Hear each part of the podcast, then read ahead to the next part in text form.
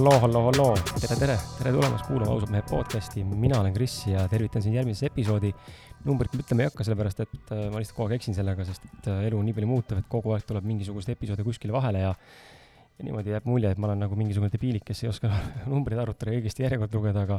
aga lihtsalt ühesõnaga numbrit ei ütle, on uus episood midagi saja kuuekümnega. ja enne kui läheme tänase saate juurde, siis äh, mm, kaks äh, webinari, webinari äh, sari Ausa meeste podcastil on siis kontaktis endaga ja selle kaks viimast osa kõikide eelduste kohaselt, kui me praegust kuupäeva siin vaatame, kõikide eelduste kohaselt mm,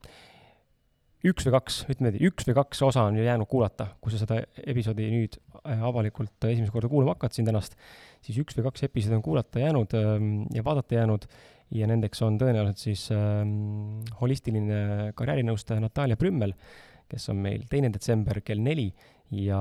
viimane inimene, kes siis on üheksandana, astub webinaris üles, on siis äh, Ants Rootslane, hüpnoterapeut ja konstellöör nii-öelda. tema astub üles siis viiendal detsembril kell kuus, nii et kui sa ei ole ennast kirja pannud, siis palun mine ja vaata ausamehed.ee leheküljele ja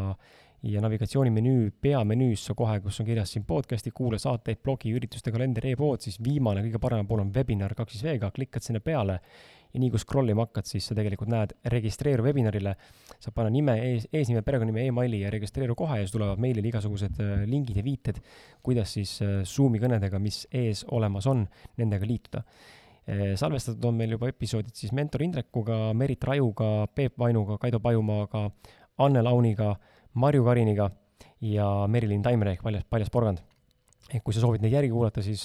võta palun arvesse teadmiseks, et alates äh,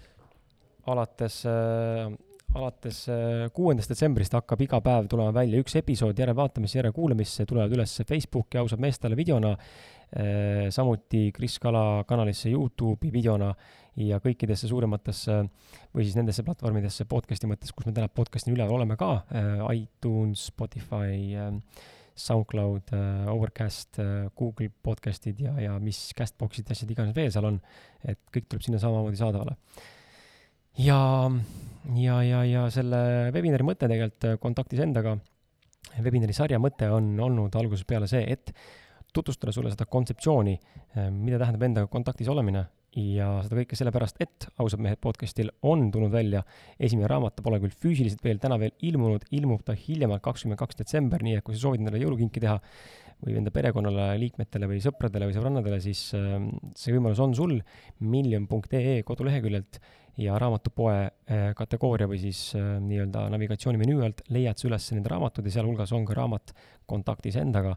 mis on musta oranži värvi sellise kammaga. ja mm, tänane hind on ainult kolmteist viisteist ja see kehtib kuni põhimõtteliselt, nagu ma olen aru saanud, siis äh, raamatu ilmumiseni, siis võib-olla natuke hind on natukene teine, et eelmüügi hind on praegu natuke parem. ja, ja, ja, ja seda raamatut ma tungivalt isegi mitte ei soovita, vaid käsin sul osta, heas mõttes käsin, et kui sa tahad päriselt teada saada, kuidas olla autentsem, kuidas mõtlevad edukad inimesed, kuidas leida oma tee ja kirg, kuidas toimib ideaalne paarisuhe, kuidas saada lahti kompleksidest ja alaväärsustundest, kuidas vabaneda hirmust ja hukkamõistust, kuidas kuulata oma intuitsiooni, sisetunnet ja nii edasi, siis äh, sadadele küsimustele saad sa vastuse sellepärast, et raamatus äh, astuvad üles nelikümmend kuus erinevat inimest, äh, kes on käinud siis esimese aus, esimese saja ähm, podcast'i seas meie saates ja, ja lisaks sellele äh, et seal on kirjas need taipamised ja mingid soovitused, kuidas elus paremini hakkama saada, on seal olemas ka kolmkümmend spetsiaalselt raamatu jaoks kirjutatud väärtust andvat täiendavat lühilugu. nii et äh, vähegi huvi on ja, ja soovid teada saada, siis mine ja haara endale see käsiraamat, sest et see on päriselt, päriselt see on, see on lihtsalt, see on lihtsalt geniaalne teos, mitte endale siin õlale patsutades, sest mina ei ole ainuke idee autor, aga, aga reaalselt see nagu, mis kokku sai pandud, see on hämmastav, sest et inimesed selles mõttes pritsivad kullakange ja ma arvan, et ka tänane külaline pritsib meil kullakange siin stuudios, nii et äh, see on hästi äge näha, näha, et kui muidu sul on raamat, ühe raamatu kohta on tavaliselt per, per raamat on üks, kaks, kolm, neli, viis või kümme mõtet head kolmesaja lehekülje kohta, siis seal on reaalselt igal lehel, peaaegu et iga mõte on midagi, mis paneb sind mõtlema või, või naeratama või hoopis nagu tundma ennast kehvasti või käivitab sinust midagi ja need on tõesti, need on väga, väga, minu poolt väga läbimõeldud ja välja valitud ja ma tõesti loodan, et mis on minuga haakinud, on ka, on ka valmis sinuga haakima ja teades või vaadates kogemust, keda ma olen saatesse toonud ja kellega te resoneerunud olete kuulajana, siis on väga suur tõenäosus, et ma tegin oma tööd hästi. nii et ole hea ja vaata ja telli endale see, kui sul vähegi on äh, huvi. aga lähme tänase saate juurde. Ehm, külas on mul siis äh, Roman Jürisaar ja, ja kes on Roman, siis saab rohkem täpsemalt teada, et netis tegelikult väga vist sinu kohta väga midagi oluliselt palju kirjas ei ole, sa ei ole nagu selles mõttes avaliku elu nii-öelda tegelemine kuskil otseselt väga palju pildis olnud, sõltub mis, mis tingimustel ja missuguses mahus, aga pigem õpime täna Romani tundma just nimelt läbi saate ja, ja siis, kui on huvi, siis saab tema jälgimisi või tähendab tegemisi hakata jälgima. ja ma olen kokku pannud ka väikse sissejuhatuse, sellise tagasihoidliku, ja siis juba saame minna kohe küsimuste juurde ja, ja saame juttu hakata rääkima, et ähm, Roman töötab täna energiasektoris müügijuhina ettevõttes Vedelgaas OÜ ja õpib eestvedamist Estonian Business Schoolis. viimased kümme aastat on Roman väga tugevalt panustanud endise elukaaslase edu saavutamisse, kellest me täna mingil määral ka räägime, just läbi selle, kuidas ehitada brändi ja kuidas ähm, teiste brändi võib-olla aidata ehitada, kui endal ei ole soovi enda brändi kasvatada või pole parasjagu õige aeg elus käes. ja tänu selle brändi kasutamisele, mis siis elukaaslastesse sai pandud, see aeg, jättis seeläbi ennast äh, mingil määral tahaplaanile. Ja sealt on tulnud väga palju taipamisi, mõistmisi ja soovi ja, ja kogemusi, mida sinuga jagada täna. Roman on loomult suuremeelne ja ambitsioonikas unistaja ning ka nende unistuste elluviija, mitte ainult siis unistaja ega mõtleja ehk siis tegutseja ja lisaks meeldib talle psühholoogia lugemine ja filosofeerida eri elulistel erinevatel teemadel. nii et sellise väikse sissejuhatusega tervitame sind ausalt mehe podcast'i, Roman. tere ka minu poolt. kuidas on esimest korda pihipingis niimoodi mikri taga olla, kus kõik asjad salvestavad? ma arvan, et äh, ütleme, et jutu käigus läheb äh, tunne enesekindlamaks kindlasti, aga väga mõnus on siin olla ja tänan kutsumast kindlasti. see on äh, see on selles mõttes äge kogemus, sest et väga tihti inimesed ütlevad, ütlevad ka seda, et kui nad ei ole varem podcast'i maailmaga kokku puutunud või podcast inud äh, ise nagu rääkinud, siis, siis alguses tõmbab nagu mitte, mitte otseselt võib-olla krampi, ka seda on nähtud, et tõmbab krampi täitsa lukku inimese, aga teinekord lihtsalt tekitab natuke sellist ebamugavustunnet ja, ja väga tihti mängib rolli ka siin see, et sa kuuled iseennast tegelikult vahetult. aga see on see koht, mis ma nagu alati inimestele rõhutan ka, mis mulle hakkas nagu meeldima, mille, mille tulemusel ma mõistsin, et kui ma salvestan klappidega, siis eelkõige need klapid tegelikult on mõeldud tehnilise aspektina selle jaoks, et kui ma lähen mikrist kaugemale, siis ma kuulen, kui ma räägin mööda sest muidu, kui mul klappe pole, ma lihtsalt räägin, arvan, et kõik võetakse peale, ma tegelikult ei kuule, kuulen alles pärast, onju, et kuskilt rääkisin kolme meetri kaugusel, mõtlesin, et ülikõva podcast tuli ja pärast tuleb välja, mitte sittagi ei kuule. Et siis need klapid on selle jaoks, et ma kuuleksin, kui mööda ma räägin või kui kaugel ma olen, et inimene päriselt mind kuuleks. ja teiseks, mis ma näinud olen seal klappide puhul, on see, et äh, klapid aitavad, äh, ehk siis enda heli kuulmine nendest klappidest on väidetavalt teaduslikult, ma võin eksida siin, aga kuskil ma kunagi lugesin seda, vaata, kui me räägime inimestega, siis äh, või noh, kui me vaatame ennast mingist videost näiteks või kuuleme enda faili kuskilt, siis me tihtipeale ütleme, et issand, see küll minu hääl ei ole või mul on niisugune hääl või. just, just. Need, need klapid nüüd praegu annavad võimaluse kuulata, milline on meie päris hääl sest et see, kus me enda häält muidu kuuleme, ongi nagu ta tuleb kuidagi läbi mingi, mingisuguse interpretatsiooni ja kuidagi nagu see on füüsikaliselt mingi ajuteema, et me kuuleme enda häält veits teistmoodi, kui teised kuulevad. ja nüüd siin sa kuuled päriselt seda oma häält sellisena, nagu su hääl päriselt on. ja siis see võib tunduda ka võõras sihuke, et oh my fucking god, et see olen mina või, minu hääl päriselt või. et see võtab harjumist ja teistpidi kolmanda punktina, mis oli tore on selle asja juures miks ma seda teadlikku vaatleja praktikat ka inimestele peale surun ja kutsun enda juurde vestlema, eh, on just nimelt samas asjas, et see enda hääle kuulmine natuke alguses võib-olla häiriv, aga ta aitab väga palju tekitada eneseteadlikkust. sest sa õpid ennast vahetult kuulama ja sa näed, kuidas sa räägid, sinu diktsioon, sinu sõnakasutus, sinu parasiitsõnad, eneseväljendus, ma ei tea, kokutamised, suured pausid, mingisugused sellised ö, a, e, o, on ju, mis ei ole üldse halb, aga sa õpid märkama, nii et ta on mõnus tööriist, kuidas panna tähele, kuidas sa tegelikult räägid, ennast esitled ja, ja milline on su eneseväljendus, sest eneseväljendus täna on üks olulisemaid asju üldse, mis me tegelikult inimesed teha saame, ennast väljendada. ja kui me ennast väljendada ei oska, siis noh, kahjuks õnneks inimesed ei saa vist aru, ei saa vist aru, mida me tahame teinekord öelda. nii et äh, ma loodan, et sul tuleb täna siin äge kogemus äh, siin niimoodi istudes. ja mul on endal ka ootused ikkagi mingil määral kõrged, et, et just saada seda tagasisidet, milline ma olen äh, vestluspartnerina mm, -hmm. ütleme, et podcast'is on ju, et ja, ja ütleme, et kui podcast'i nimi on Ausad mehed ja siis, kui natukene eilsesse õhtusse vaadata, siis tegelikult äh, kuidas ma ütlen, ega see ärevus oli juba eile õhtul sees ja ma mõtlesin, et äh, ma helistan sulle, ütlen, et tead äh,, terviseamet andis mulle teada, et ma olen puutunud kokku koroonaviiruse kandjaga, on ju, või nakatunuga sest et praegu on sellele hea mängida, on ju, siis ma ikkagi otsustasin, et ei, et julge hundi rind on haavleid täis ja ma tulen ikkagi täna siia jaa, ehk siis tahtsid mulle valetada. jah, täpselt nii aga hea, et sa teinud seda, sest et see on okei okay., on üks külaline veel olnud, kelle saade tegelikult täna polegi ilmunud. me salvestasime ära ja ta oli hästi suure, üldse mitte halvasti, vaid ta oli hästi haibitud ja tegelikult oli ka coach ja hästi edukas inimene ja tegutseb oma valdkonnas noor inimene, aga hästi nagu tegelikult tore inimene ja tegelikult teadlik. aga mingi,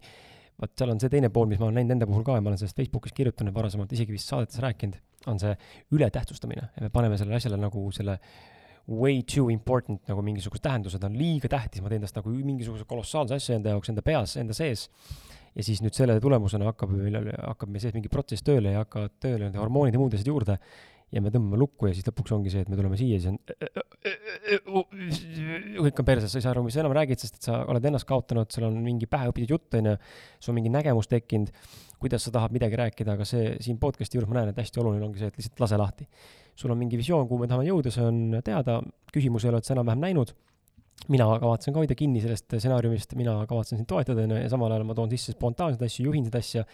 et uh, usalda ennast, usalda mind ja siis uh, läheb nagu lihtsamalt, et uh, seda ma olen näinud inimeste puhul, et teinekord see on väga suur takistus, et tekibki see ärevus sisse ja, see on normaalne. aga see, et sa üle läksid sellest, on väga hea. nii et uh, success. aga räägime siis, hakkame pihta, Roman, et uh, sinu uh,, mitte siis pinget juurde panna, aga sinu tähetund, et hurraa, hurraa, monoloog järgmised tund aega, et räägi siis uh, vii, vii meie kuulajad siis sellise rännakule või teekonnale, et ähm, kui sa juba meie podcast'i kuulanud oled ka varasemalt, siis sa kindlasti tead, et et me tahame kuulda sellist alustuseks niisugust natuke põgusamat ülevaadet läbi milstonide või mingisuguste verstapostide, kus sa tulnud oled ja kuidas sa oled siia jõudnud, kus sa täna oled, äh, mis ei tähenda, et sa kõik terve loo võid ära rääkida, aga sa võid, äh, ma ei keela, et alusta sealt, kus sa tahad ja lõpeta seal, kus sa soovid ja räägi, mida tahad ja hakkame sealt lahti, lahti rullima siis no ütleme, et teekond algab ikkagi äh, sünnist, on ju, et äh, ma päris nii kaugele võib-olla oma peas minna ei oska, aga aga seda, kuhu ma sündisin või millisesse perekonda, seda ma kindlasti oskan ka kuulajale edasi anda ja ja kindlasti võib-olla ära siis lahterdada või ütleme, kategoriseerida mm, need perioodid oma elus äh, kuni tänase päevani välja, et et kõigepealt ma sündisin siis äh, kaheksakümne kolmandal aastal äh, traktoristi ja koka perre äh, esimese lapsena. Mm, mõned ajad võib-olla läksid mööda, sündis õde neli aastat hiljem ja, ja, ja lõpuks ka kolmas laps, kelleks oli siis vend mm vanima lapsena ma tundsin ikkagi vanemate poolt äh, armastust natuke rohkem kui võib-olla seda jagus äh, õele ja vennale. ja, ja, ja mingid tähelepanekud ma olen teinud ka, mida ma olen isalt õppinud ja mida ma olen ema, emalt õppinud, siis, äh, siis ütleme, seda töökust on kindlasti isalt tulnud ja ema poolt on tulnud, kuidas siis äh, ma ei tea, kodu korras hoida või ütleme, sellist süsteemsust, äh, puhtuse armastust, äh, seda kõike on nagu sealtpoolt tulnud. ja, ja ütleme, et see on mind tänaseks ka vorminud, äh, kõik need asjad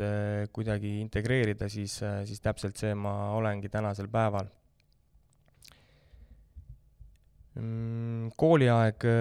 möödus Võrus, käisin Parksepa keskkoolis kõik oma lollused tegin seal ära ja neid ma ei teinud mitte vähe. Äh, ma kujutan ette, ma arvan, et me jõuame ka millalgi rääkida sellest, äh, kuidas vanemaid süüdistada või, või, või millest tuleb see, et me hakkame vanemaid süüdistama, siis, siis tänases valguses ma just vaatan iseennast ja mõtlen, et äkki ma olin hoopis see halb poeg, mitte ei olnud vanemad need halvad. sest et ma kujutan ette peavalu äh, halle karvu, ma arvan, ma põhjustasin ikka keskmisest rohkem. Ehm, ütleme, peale keskkooli ma läksin eh, Kaitseväkke, mm, teenisin Narva-Jõesuus ja, ja põhjus, miks ma sinna läksin, oli see, et eh, ma läksin edasi õppima Sisekaitseakadeemiasse, politseikolledžisse. tuttavad kõik muidugi ütlesid, et noh, mendiks lähed õppima, on ju siis, äh, siis meie enam sinu sõbrad ei ole või midagi sellist. et äh, aga no ma ei teinud sellest väga välja mm,. seda kooli ma ära ei lõpetanud. ehk siis menti sinust ei saanud? täpselt niimoodi aga ikkagi jäi, äh, ütleme, et kõlama see, et inimesest ment saab, aga mendist enam inimest ei saa. ja maik on juures nüüd onju. no täpselt, täpselt nii, et kui ma ruumi astun, siis ma arvan, peaks lõhnast tundma olema mm, -hmm. äh, aga jah, see selleks, et mm, äh, igati äh, väärtuslikud kogemused, ütleme, et see oli selline elu avastamise esimene periood ja, ja, ja sealt sai alguse tegelikult täielikult äh, midagi, midagi teistsugust, millele ma vaatan täna tagasi niimoodi, et tahaks seda poissi, kes oli seal mm,, jättis selle kooli pooleli tahaks teda tegelikult sakutada ühtepidi, aga teisipidi eh, see, kuidas ta proovis ära kõik asjad eh, omal nahal, mida, mida ta teeb tänasel päeval samamoodi mm,, see nagu annab mingi, kuidas ma ütlen, selle skeletile hakkab seda liha nagu peale kasvatama, ütleme, et eh, et see oli nagu uskumatu periood, see oli see periood, kuhu ma hakkasin äh, avastama nüüd tagant, tagant äh, järele vaadates, et äh, et äh, ma oleks vajanud sellel perioodil oma kõrvale inimest, kes oleks võib-olla selgitanud mingeid asju, miks mingid asjad äh, on äh, elulisi miks ei peaks loobuma või miks peaks edasi proovima või miks loobuda, kõik see need miks küsimused võiks saada vastused, on ju. sest et ma olen nagu seda meelt, et mm, et äh, meil aju areneb mingi perioodi, on ju, oma elus. ja aju arengul on äh, kindlasti määravaks see, mida me kodust kaasa saame, milline meie lastetuba on ja, ja ütleme, et mida siis meile kaasõpilased, kool ja kõik see õpetajad ja kõik annavad nagu. aga, aga eeskujusid me valime mingis etapis äh, selliselt, et me enam ei vaata oma vanemaid, vaid eakaaslasi, Mm -hmm. et millised nemad on, tahaks nende moodi nagu olla. ja, ja kindlasti seal tekkisid ka mingid eeskujud, kelle moodi ma tahtsin olla. aga minnes siis äh, ülikooli õppima, oleks olnud tarvis äh, isa kätt või ütleme, et, et isa selgitaks mingeid asju või, või et sa küsiks tema käest, aga see oli täielikult null ja, ja ma nüüd näengi, tunnen sellest hullult puudust, et äh, et kui ma siis mõtlesin, et ma olen noor, uljas, ambitsioonikas äh,, lähen Sisekaitseakadeemiasse õppima. Mm,, peale seda lõpetamist lähen õigusteadust õppima, oli mul oma vaimusilmis ettekujutus olemas. kahekümne viie aastaselt on mul naise ja lapse pilt kontorilaua peal ja elu on ilus nagu, et aga, aga tihti on meil äh, mingid äh,, kuidas ma ütlen, plaanid oma elule ise mm, ette pandud, aga elu otsustab äh, Midagi muud. midagi muud mm. -hmm. täpselt niimoodi. ja, ja seal ütleme sel perioodil ka niimoodi läks ja see oli, see oli nagu hästi huvitav, et mind oli siis nüüd nagu merele paisatud ja, ja seal ma siis loksuma hakkasin ja, ja see oli nagu hästi põnev. ma küsin vahele, mis sa arvad, ma just eile mõt-, mõtisklesin selle üle, et nii paljud, kaasa arvatud ma ise seda, seda terminit elu nii-öelda nagu äh, elu justkui siis nagu kõrgemas tähenduses kasutan, eks ole, onju. Kas sa, aga keegi ei räägi, mis see on nagu noh, võib-olla Mm. seal ei saa vastata, eks ole, aga mul on alati tunne, keegi räägib, et no, et sa tahad üht teha, aga elu tahab midagi muud, aga kes, mis, mis, mis mõttes elu tahab, mis see elu, kes see elu on, et nagu kas sa oled mõt-, mõtlesid selle üle, mis asi see elu on või mis, et kas ta on sa-, kas me võime tõmmata paralleelid saatusele või universumile või eh, ma ei tea, selle algteadvusele või kuidas keegi nimetab seda, et eh, mis see elu nagu on siis, kes see on siis, kes tõmbab neid nööre vahepeal või see, või see lihtsalt on mingi termin, mida me kasutame parasiitsõnana? jaa, see on, ütleme, kindlasti mõttekoht ja ma olen äh, sellel teemal palju peatanud, aga, või peatunud, aga, aga seda niimoodi üheselt mõistetavalt äh, enda jaoks ma ei ole esiteks selgeks mõtestanud ja teisalt on see, et kuidas seda selgitada nüüd kuulajale, on ka see, et äh, täna siin laua taga ma ütlen, et see on niimoodi, homseks ma olen midagi muud välja mõelnud sest et äh, see kasvamine ja see teadmised, need kõik nagu mõjutavad seda maailmavaadet ja seda arusaama. et mis see elu tegelikult on, teinekord ma olen ähm, mm,, kuidas ma ütlen äh,, hästi mm, vastuvõtlik erinevatele infoallikatele ja, ja kujundan selle järgi oma arvamusi aga ma analüüsin hästi põhjalikult Äh, vahest ma isegi ütlen näiteks, et, äh, et juhustel on äh, väga suur roll meie elus, me peame oskama neid märgata, võib-olla ära kasutama neid ja oskama neid märke lugeda, aga, aga noore inimesena on neid palju keerulisem teha mm. -hmm. siis sa nagu noh, otsid midagi muud, põnevus, seiklused, no sitta need märgid nagu onju. aga, aga kui sa saad vanemaks, siis on juba niimoodi, et äh, sa oled tasakaalukam äh,, sa jälgid neid märke rohkem ja sa kasutad neid ära ja ka-, ja võib-olla tulevad sellised juhused sinu ellu mm,, millest kasvab midagi väga, väga, väga ägedat nagu, et aga praegu ma ei tea, kas ma andsin sellele küsimusele vastuse või ma ei taha seda teadlikult anda, sest et ma ei ole seda enda jaoks lahti mm -hmm. mõtestanud. ei, ma arvan, et see oli, oligi piisav, et seda ei saa, ma olen nõus, seda ei, ei, võib-olla ei oskagi täna lahti mõtestada ja võib-olla seda ei, seda, seda, seda, mis iganes see elu on siis oma anomaalia fenomenaalsuse juures või, või unikaalsuse juures, võib-olla seda ei saagi inimmõistuse või inimkeeles üldse mõista, nagu ma olen aru saanud ka, kui me siin räägime spirituaalsetest terminitest teinekord, siis sul võib ju paberil kirjas olla või kui, kui isegi teo-, teoorias sulle ära seletada, kuidas mingi asi on või, või mm, läbi mingi kvantfüüsika või multidimensionaalse mingi terminoloogia ära seletada, mis see on, aga sa tegelikult ei saa sellest aru. Et võib-olla ei peagi aru saama siin ja või võib-olla me ei suudagi hoomata, mis see tegelikult nagu tähendab, et aga nende teemade üle on alati põnev lihtsalt, lihtsalt arutada ja mõelda, et aga mis see, mis ja, see, mis see tegelikult on, on ma arvan, et ütleme, et kõik kokku pannes äh, tuleb see teadmine järjest rohkem lähemale, et mm, -hmm. et äh, ma mäletan, kuidas meil üks äh, järgmise semestri külalisõppejõude nüüd hiljaaegu ütles sellise asja, et me oleme järjest rohkem jõudmas sinna, kus me ei saa aru, mis tegelikult toimub. Ehk siis nagu ütleme, siin laua taga ma ei tahakski sellepärast juba välja midagi öelda, et mu mõtlemine on kindlasti homseks muutunud mm, -hmm. ülehomseks jälle, jälle uuesti. ja ütleme, et see teadmine, et me ei saa aru, mis tegelikult toimub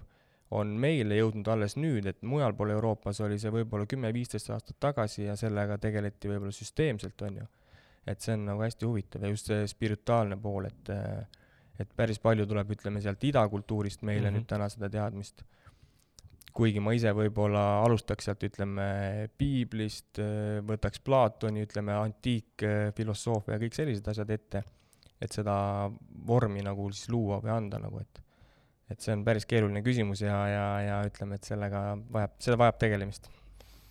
tuleme sinu selle loo juurde siis äh, tagasi, et äh, nüüd otsapidi lõpuks jõudsid sa välja siis selleni, et äh,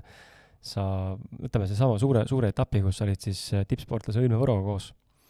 Ja lähme nagu seda rada pidi siis käima, et küsikski niimoodi, et kuidas sa sellise, sellise eluetapi juurde jõudsid, mis, mis oli see, mis pani sind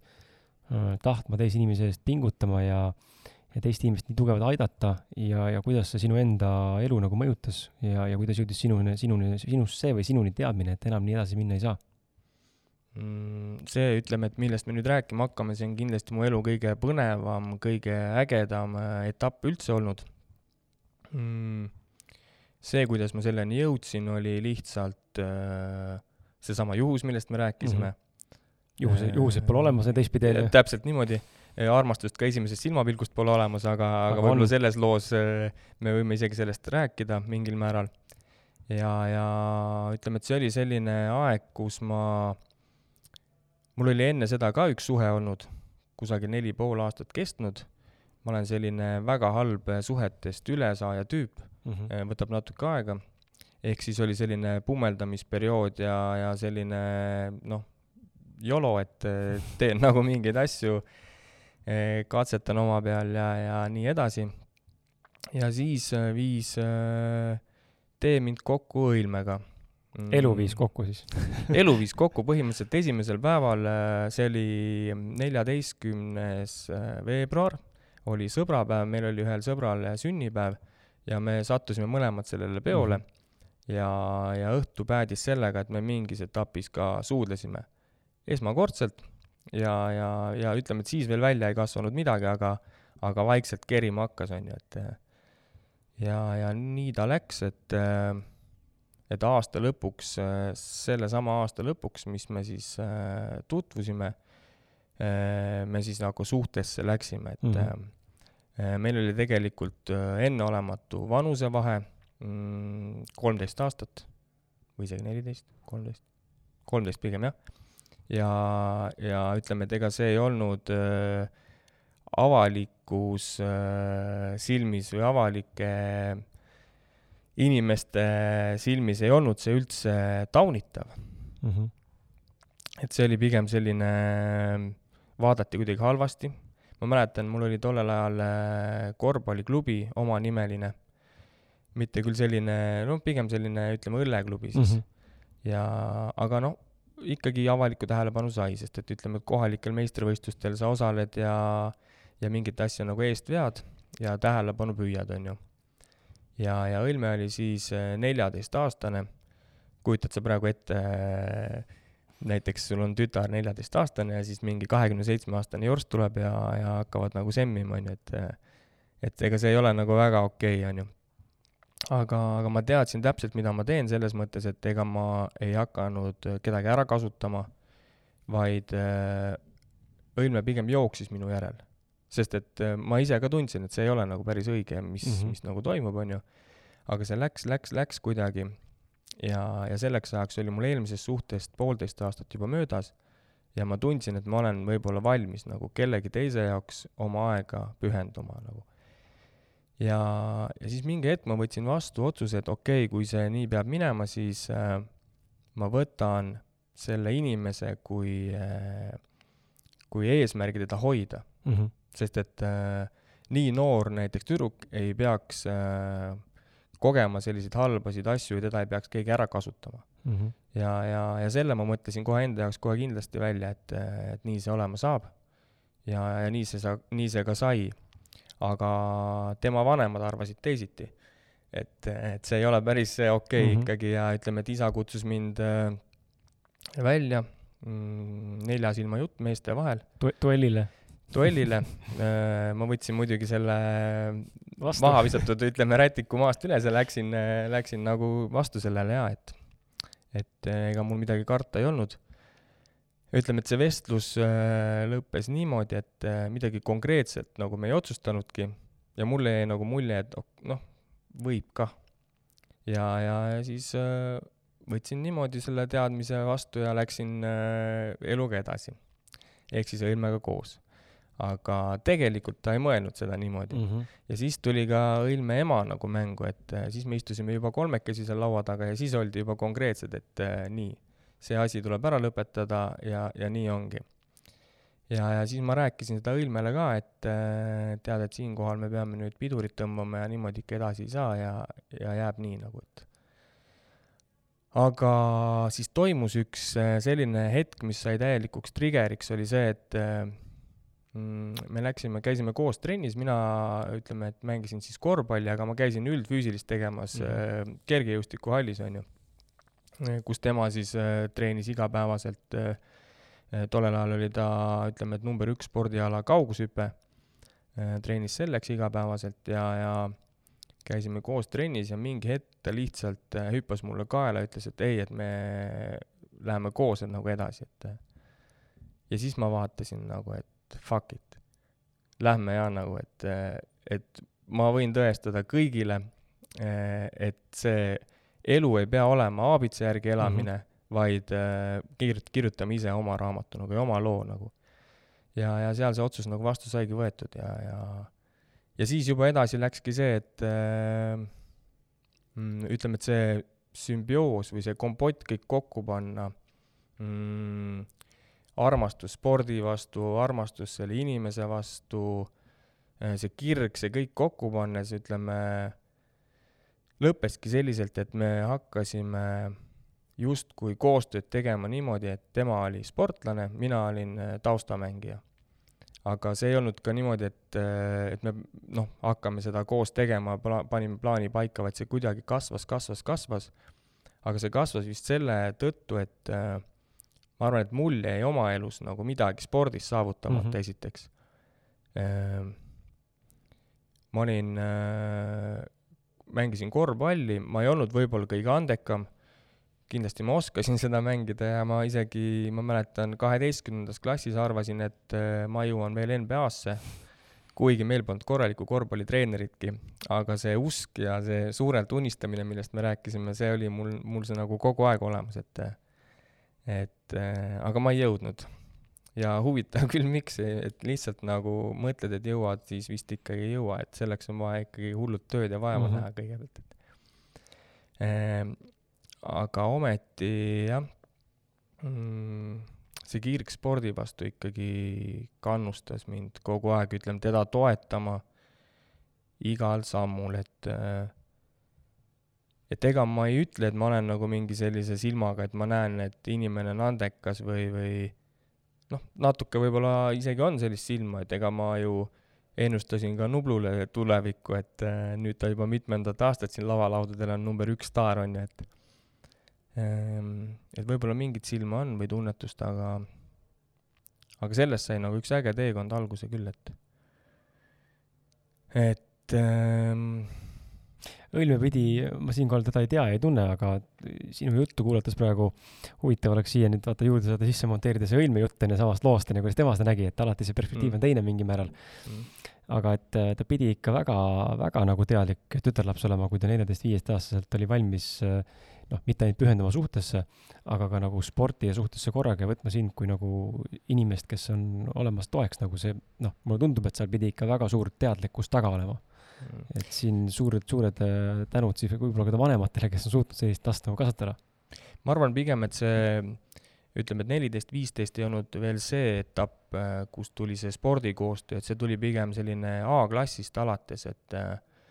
et küll ta käis õppimas Audenteses, kimbutasid mingid vigastused, tuli jälle sellest välja, kogu aeg oli mingit tagasilööki, et ja siis mingi hetk, äh, kui ta täitis ära normatiivi U kaheksateist maailmameistrivõistlustele, on ju, et siis oli noh, ma käisin igal võistlusel kaasas, et kas magasin kusagil telgis või kusagil hostelis, kus oli, äh, ma mäletan, kui me käisime Donetskis. no muidugi see on ka veel nagu omaette lugu, et äh, me käisime Donetskis mm,, peale seda mingi kuus kuud läks mööda, tuli seal sõda, on ju, siis ma mäletan, me käisime kas oligi see äkki eelmisel aastal käisime Minskis, noh, ja me teame, mis seal Minskis mm. nagu vahepeal juhtus, on ju, et siis äh, ei julgegi koos enam kuhugile minna, et noh. et äh, aga see Donetsk oli jah selline, et äh, mm, ma olin kusagil hostelis, kus oli mingi solgitoru oli lõhkenud ja seal oli no, noh, jube värk ühesõnaga, aga, aga ma kannatasin selle ära ja see kogemus oli nagu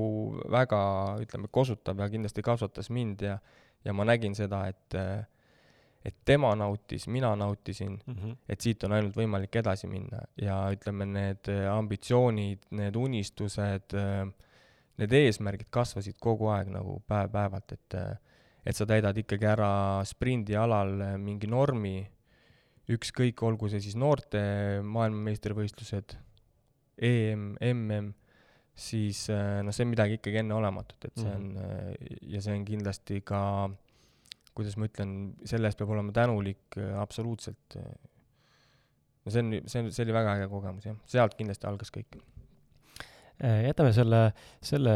küsimuse osa, et millal tuli sinust see teadmine, et nüüd on vaja edasi minna, nii me edasi jätkata ei saa. jätame selle nüüd natuke tahapoolele, sest et see on pigem selle nagu kogu selle kogemuse viimane nagu samm. Lähme siit küsimuse edasi ja küsin sult sellise küsimuse, et mm,? et ähm, kuidas, kuidas siis ähm, see teise inimese, ütleme sellise, mis see sinu töö seal oli siis, mis sa nagu tegelikult tegid siis selle kümne aasta jooksul, et kui me räägime nagu brändi ülesehitamisest või sportlase üles treenimisest või, või mis, mis see sinu panus seal oli ja, ja kuidas see reaalselt nagu välja nägi, et kui oletame tõesti meie ümber täna on inimesi, kes meid kuulevad, võib-olla mõni tunneb, et kurat, mul on ka näiteks mees või naine või mul on laps või mul on õde või noorem, noorem vend või kes iganes veel, sõbranna või, või on hoopis samasugune situatsioon nagu sul, on ju, nagu partner, kes on lihtsalt kohutavalt palju nii-öelda nagu noorem siis äh, tahaks teda suunata, aidata, sest mul nägin, mulle tundub, et sinus oli nagu mingisugune niisugune heasüdamlik soov päriselt nagu inimest aidata ja, ja aidata leida see, see, see, see tee ja võib-olla avastada ka mingil määral, äh, kas ta tegi sporti seal, kui tutvusite juba?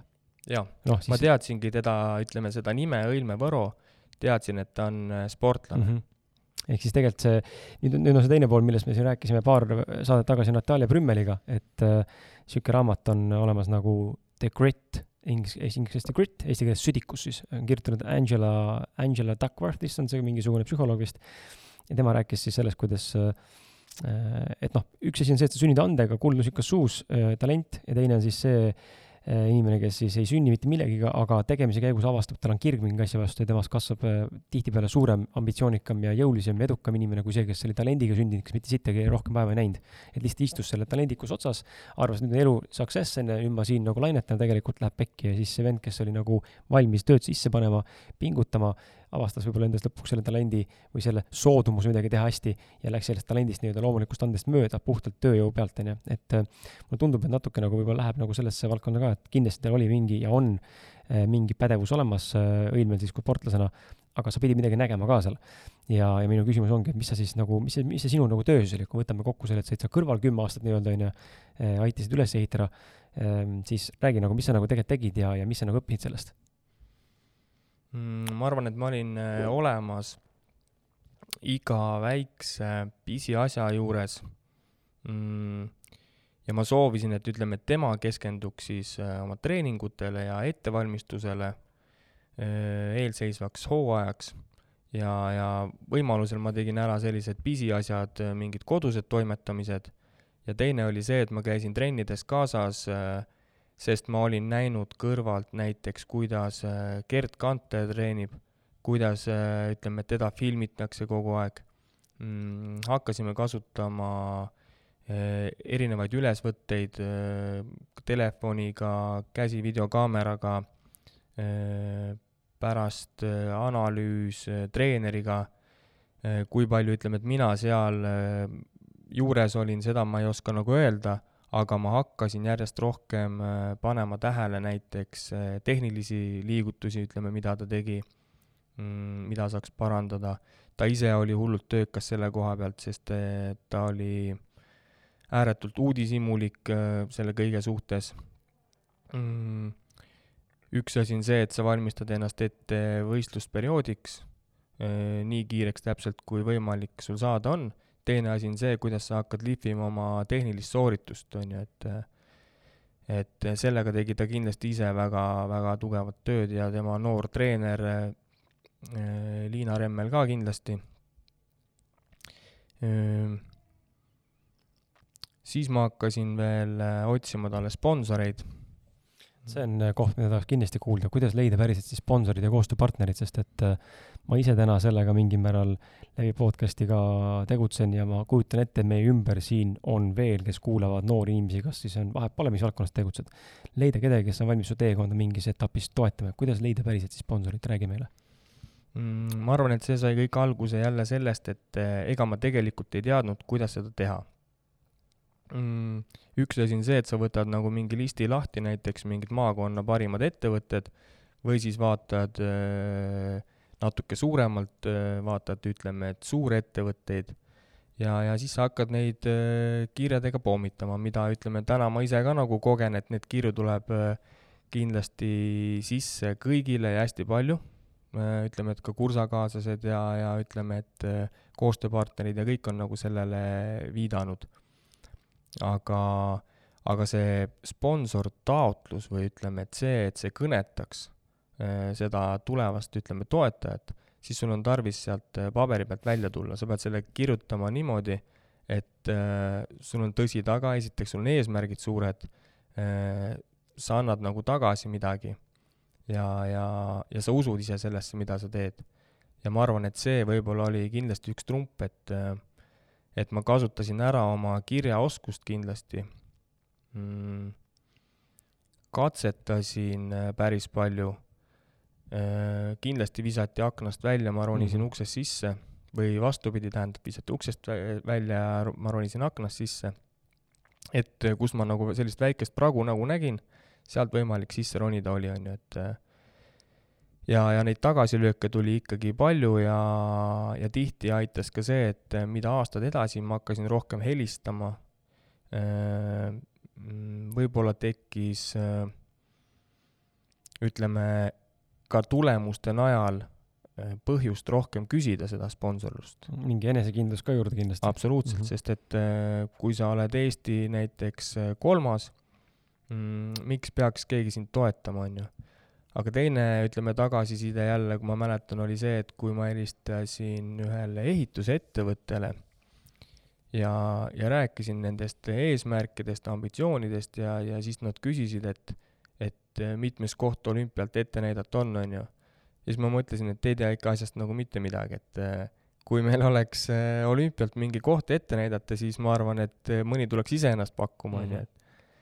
aga ega ega see kerge ei olnud ja ütleme, et siin sponsorite otsimisel tasub mõelda nagu suurelt, et äh, mida Jah. sponsorid tagasi tahavad saada, selles mõttes raha sa ei anna neile tagasi tõenäoliselt ju. raha kindlasti mitte, aga ütleme, selline noh, Õlme brändi puhul ka ütleme, see atraktiivsus, et et ma panin näiteks vahepeal kirja paberile, mis võiks sportlasel olla. Mm -hmm. et ei pea olema olümpiasportlane, et sa võiksid sõita, sõita näiteks autoga. Et sul oleks äh, toidulisandid näiteks tagatud, ütleme mingid treeningutele äh,, treeningute eest sa ei peaks maksma, sul võiks olla, ütleme, mingid treeninglaagrid, ütleme mm, Mhm. -hmm. et need võiks olla kõik äh, sponsorite poolt nagu tuldud raha eest siis kompenseeritud, on ju ja, ja ütleme, et see auto asi näiteks oli ka niimoodi, et et kujutad ette, sul sõidab tänava peal mingi auto, see püüab ikkagi pilku, siis need sponsorid tahaksid, et eh, see logo oleks seal auto Mhm. peal esiteks, on ju. hiljem juba tuli mängu ka sotsiaalmeedia, seda alguses ei olnud, aga ütleme, et Instagram on kindlasti nagu üks asi, mis nagu seda tagasisidet annab eh, tänastele toetajatele Ehm, kindlasti me läksime selle asjaga juba nii suureks, et äh, minu nägemus oli, et võiks olla ka oma fänniklubi. ehk siis see fänniklubi samamoodi teeb selle sportlase brändi atraktiivsemaks. et kujutad ette, seal on võistlustel äh, üht, samasugustes särkides äh, inimesed, kes elavad kaasa ühele, ühele sportlasele, on ju, noh, kelle võib-olla ala kestab seal eh, loodetavasti alla üheteist sekundi Mhm. et noh, see muidugi väga utoopiline aeg, aga, aga noh, niimoodi see võiks nagu olla, sajas meetris on ju. aga, aga see kõik nagu, kuidas ma ütlen, mitte ei loo seda brändi, vaid eh, teeb sind eh, tuntumaks selle koha pealt, et eh, sellest nagu räägitakse, see innustab, see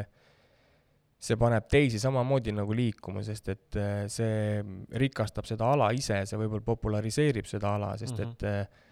see jõuab rohkem kui alasiseselt, ma arvan, ka spordiringkonnas äh, teemasse, et et see tuli kusagilt, see, see kirg spordi vastu ja see see, ütleme, tähelepanekute ja analüüsi tegemine, ma arvan, see kõik kokku nagu viis selleni, et, et üks bränd nagu kokku panna ja,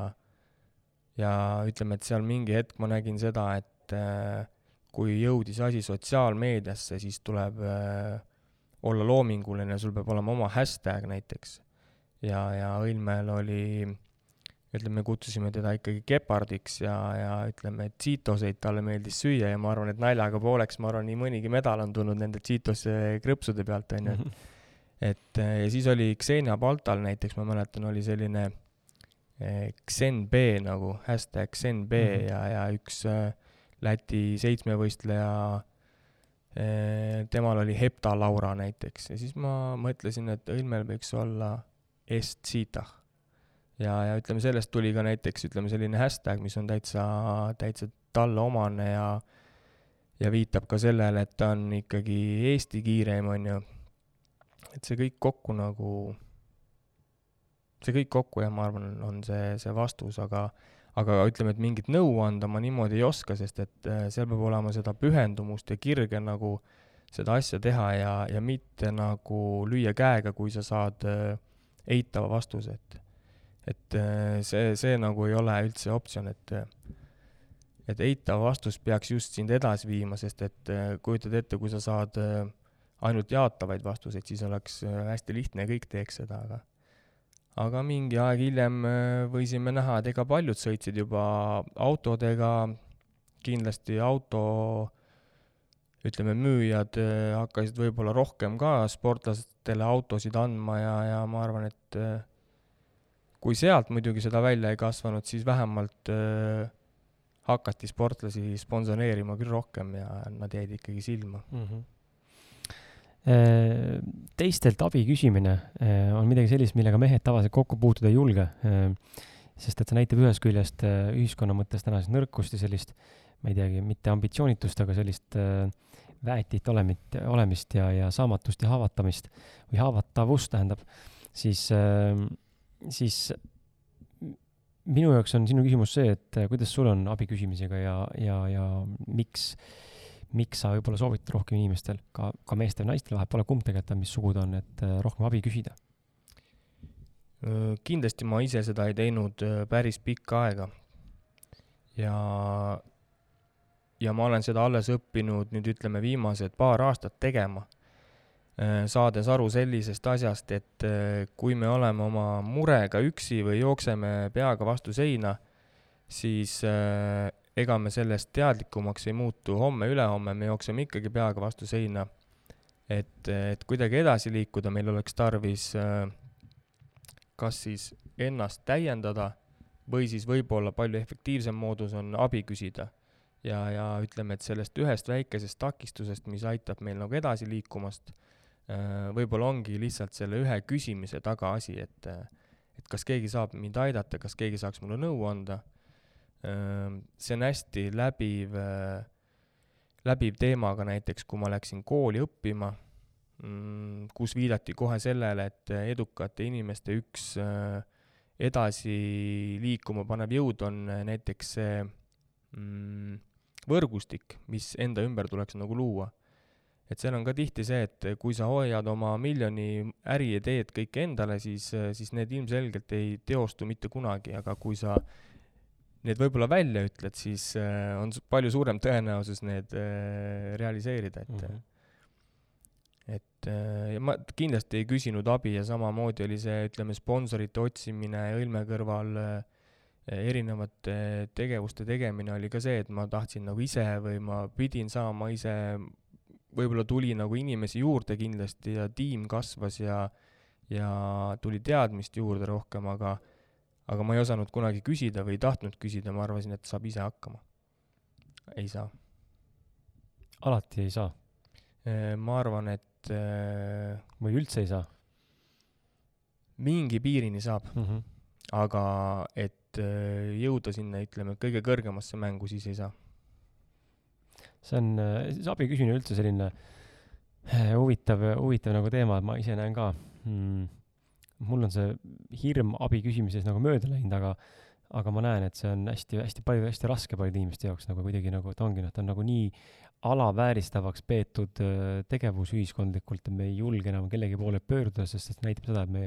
noh, sa ei saa hakkama vaata endaga, kuidas sa nagu sihuke sita häda oled, onju. Mhm. et tegelikult äh, ma ei tea, noh, lihtsad asjad, et kui ma tahan kelleltki äh, saada teada, kuidas saada, saada fit'iks või saada nagu trenni teha paremini, siis ma ei, ei hakka ise leiutama, küsin kelleltki, kes juba teab, kes on sel alal nagu spets onju või nagu tegutseb selles vallas, et milleks nagu ise minna läbi keerulist teed pidi, eriti kui puudub ka huvi ja võib-olla kirg selle asja vastu ja otsida mingeid vastuseid, kui tegelikult saab otse küsida inimese käest. et äh, ma jah, kardan millegipärast seda abi küsimist, see on suht nagu nõme nii see on jaa, võib-olla ütleme, et teine võib-olla natukene, mis aega rohkem nõuab, on see, et me hakkame iseennast täiendama, on ju, mhm. aga aga seal samamoodi keegi ju ütleme nii-öelda koolitab sind või, või, või, või täpselt mm -hmm. niimoodi, et see on ka nagu abi küsimine, aga see on nagu sellises teises formaadis, et et äh, kuidagi ametlikus vormis on ju, et sa õpid ja tema sind koolitab nii-öelda, aga mm. -hmm. Tuleme harjumuste juurde, sest need on ka üldse spordist rääkides siin täna ja, ja isiklikus kasvus ka, siis need on tegelikult harjumuste hästi olulised asjad. ja, ja ja no ma ei ole täna nüüd, natuke hakkab tekkima mul tunne see, et ma ei ole nüüd kindel enam, kas neid harjumusi, kas meil on vaja kindlasti nagu selles mõttes rutiini, rutiini poolest selliseid nagu strikte, eh, kindlaid eh, kivisse raiutud harjumusi eh, või peaks olema rohkem spontaansemad, ma ise täna olen väga harjumuste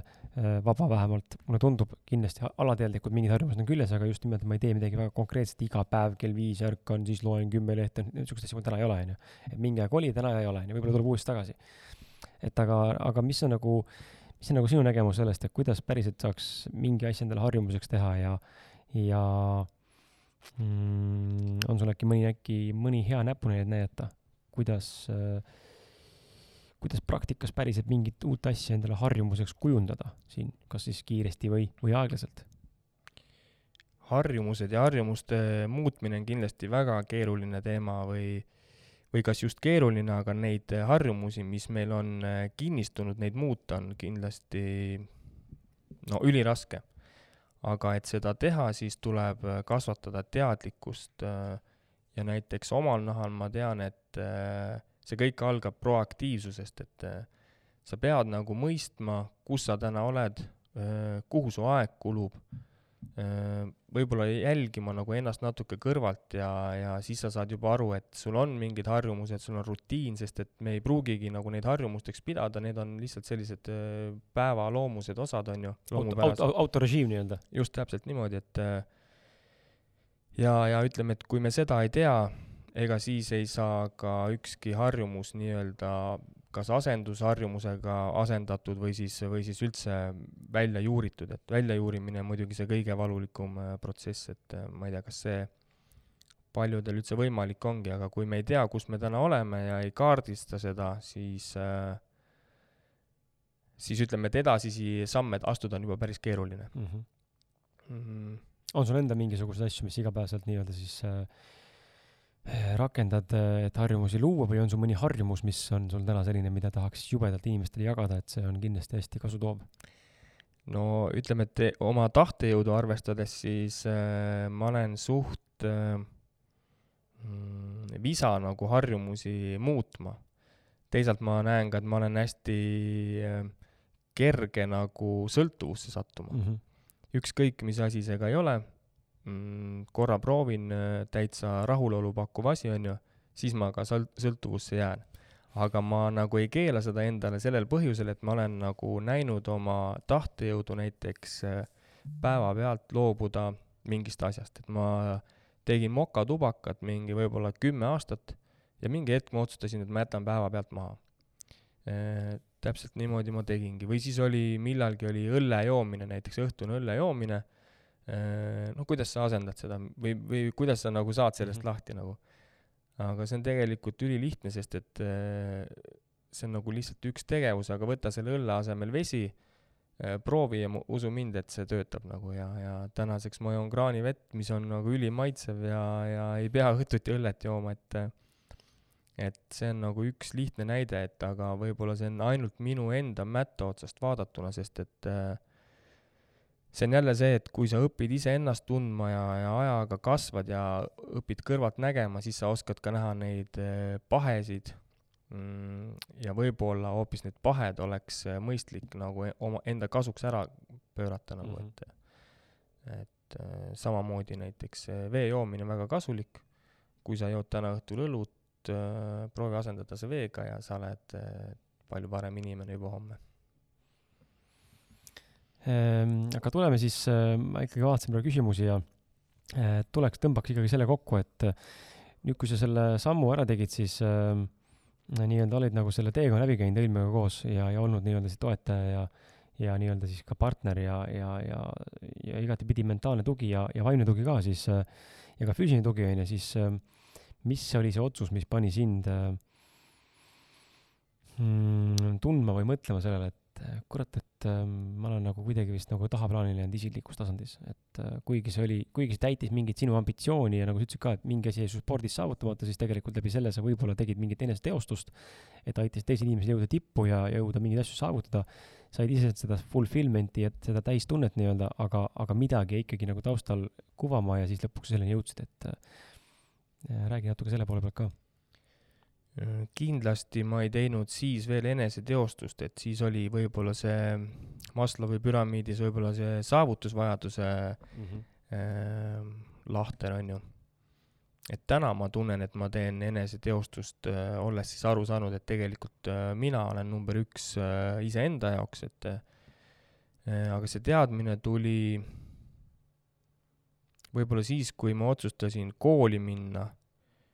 aga see oli täpselt perioodil, kui äh, Õilmel oli depressioon mm.. et äh, see oli, ütleme, et selline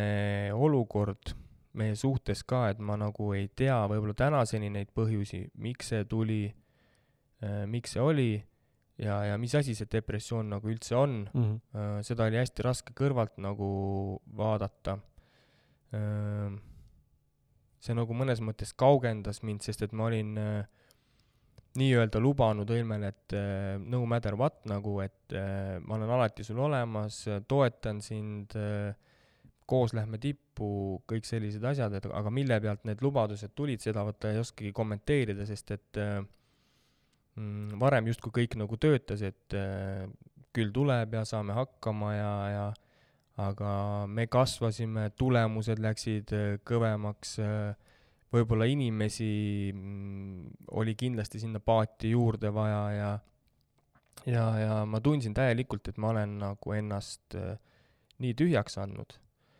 lisaks see, ütleme, depressiivse inimese kõrval, ma ei taha ütelda depressiivne inimene, vaid depressioonis inimese mm -hmm. kõrval sa annad nagu veel rohkem ennast tühjaks ähm, vot see oligi see periood, kus ma ei küsinud abi või ma ei osanud küsida, ma nagu pigem küsisin, et no miks see on, et nagu miks sa homme enam, või miks sa homme ei võiks nagu korras olla nagu, et mm -hmm. et mina küll suudan näiteks mõttejõuga näiteks mingeid asju teha, et kui mul on, ma ei tea, mingi külmetushaigus tulemas, siis ma mõtlen pigem ennast terveks või, või ma olen kuidagi nagu niimoodi neid asju mõelnud ja siis äh, siis inimesel on ikkagi selline päris, päris keeruline periood ja siis sa mõtled, et miks sa ei või ennast nagu terveks mõelda. ja, ja samamoodi, kui ma olen selline inimene, kes äh, tahab loogilisi seletusi, vastuseid küsimustele, et seda pilti kokku panna ja kui sa seda ei saa, siis see nagu väsitab sind veel rohkem, sest sa hakkad ise seda pilti kokku panema, sest keegi sulle seda ei ütle nagu onju mm, -hmm. aga sa otsid ise neid vastuseid, otsid, otsid, otsid ja sa sa nagu väsitad ennast, sa saad energiast nagu nii tühjaks. et see on nagu jah, kurnav lausa, et ja siis ma nagu otsustasingi kooli minna, sest ma nägin, et, et seda meeskonda juhtida, ma hullult tahtsin nagu seda meeskonda juhtida, tiim Est-Siitah, jee, et ma olen nagu see juht ja vean nagu eest ja ja ma ei tea, kas ma tegelikult see üldse olin ja ja Õilme arvates kindlasti ma ei olnud. aga ma väga tahtsin ja ma sain aru, et et, et selleks, et see juht olla, tuleb mul ennast täiendada. et siin ei ole enam see, et abi küsimine, et keegi mm -hmm. võib lihtsalt sul mingi juhtnööri kätte anda, aga aga tegelikult on tarvis õppida ja vot siis ma hakkasingi ennast nagu esiplaanile seadma, kui ma läksin kooli, läksid äh, mingid ajad mööda, võib-olla seal mingi esimene semester võib-olla, ja sa näed enda potentsiaali nagu reaalselt ja see kool nagu toob sinust selle välja, need inimesed toovad sinust selle esile, see see märkamine, see, see, kuidas teised inimesed sind väärtustama hakkavad, see, see on nagu ulme, et et see, siis ma sain nagu aru, et nüüd on minu aeg mm. -hmm. see on see minu koht, kuhu nagu panustada, on ju mm,? just. okei okay., äh, sa oled päris palju praegu ma saates praegu siin maininud juba unistamist ja suurelt mõtlemist ja sellist ambitsioonikust mm, nii nagu proaktiivsena kui ka nagu vaimsel tasandil et ähm, võib vist väita, et sa oled julge tunnistaja ja suure tunnistaja, et räägi, milles, milles see väljendub ja, ja kas suure tunnistamine on kuidagi üldse eesmärkide saavutamisest äh, või saavutamise protsessis nagu oluline või on seda üldse vaja või võib ka väikse tunnistajana saavutada suuri asju või pigem ikkagi on vaja push ida ennast noh, nii-öelda äh, natuke nagu roosade prillidega täiesti nagu üli, üli, üle võli nagu mõtetesse, et siis saada mingeid tulemusi, sest ma ise kunagi, kui ma noorem olin, mul nagu jõudis kohale nagu see, see realisatsioon, mida ma täna jälle, ma isegi ei tea, kas eesti keeles on sõna realisatsioon, see vist ei ole, see on realization'ist inglise keeles tulnud, tegelikult see on vist vale sõna. mõistmine. jääme selle ingliskeelse variandi juurde. Realization või siis mõistmine, et äh, realisatsioon on millegi realiseerimine vist jah, tegelikult on ju, okei okay,, et mõistmine tuli sisse, et kui ma mõtlen väikselt, äh, siis ma põhimõtteliselt saan ka vähem. Äh, ja kui ma panen väga suured eesmärgid endale, mis võib-olla ongi sellised, et noh, never ever sa fucking ära tead, see on nagu nii, nii kulme, noh, et a la täna tahan saada Cristiano Ronaldoks, noh, see on nagu ebareaalne unistus, ilmselt ei juhtu elu sees. aga nüüd selle tulemusena võib-olla, kui ma olen väga drive itud selle asja saavutamisele, siis ma jõuan ikkagi kaugemale, kui ma mõtleksin keskpäraselt. et mis on sinu kogemus olnud selle suure tunnistamise juures ja kas see on vajalik? ma arvan, et unistada suurelt tasub kindlasti ja see on äh, muidugi isiksuse omadustele või, või, või isikutüübile ka erinev. et äh, mõned on, äh, pigem ongi realistid kui unistajad ja, ja mõned vastupidi ja ma arvan, et mina kalade tähtkujus sündinuna olen kindlasti unistaja tüüpi ja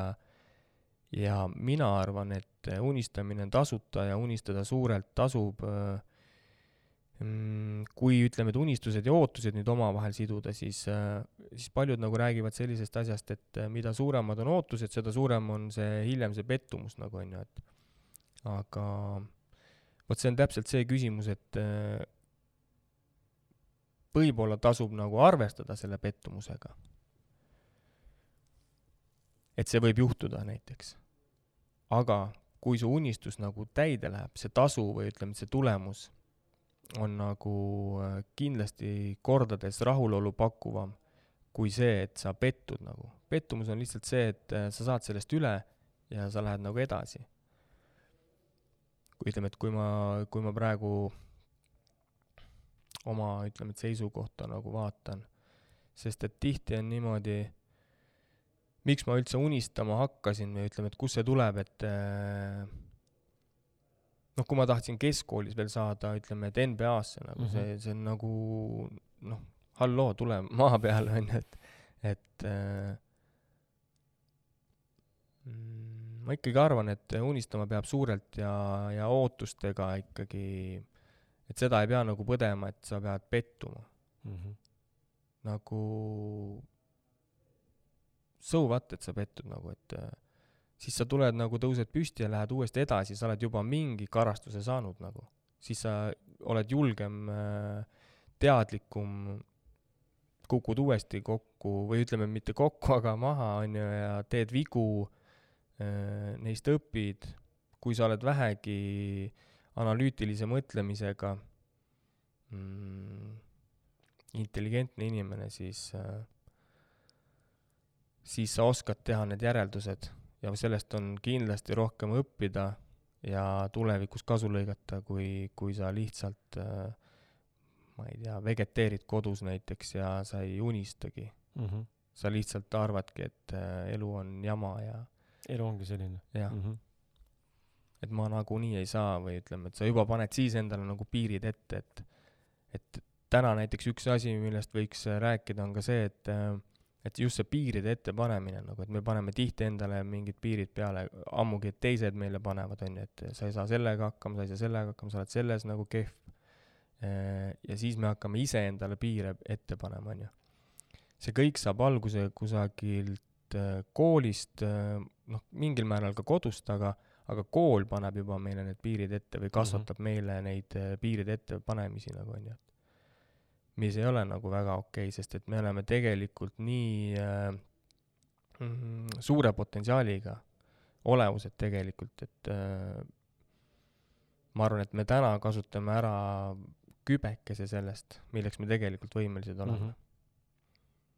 Teie küsimuse juurde, kus ma tean äh, kus ma tean, palju ma võimeline olen, et võib-olla mulle tundub, et ma täna annan endast kõik ja siis tegelikult tuleb välja, et ma kasutan ära ainult kümme protsenti kogu oma täispotentsiaalist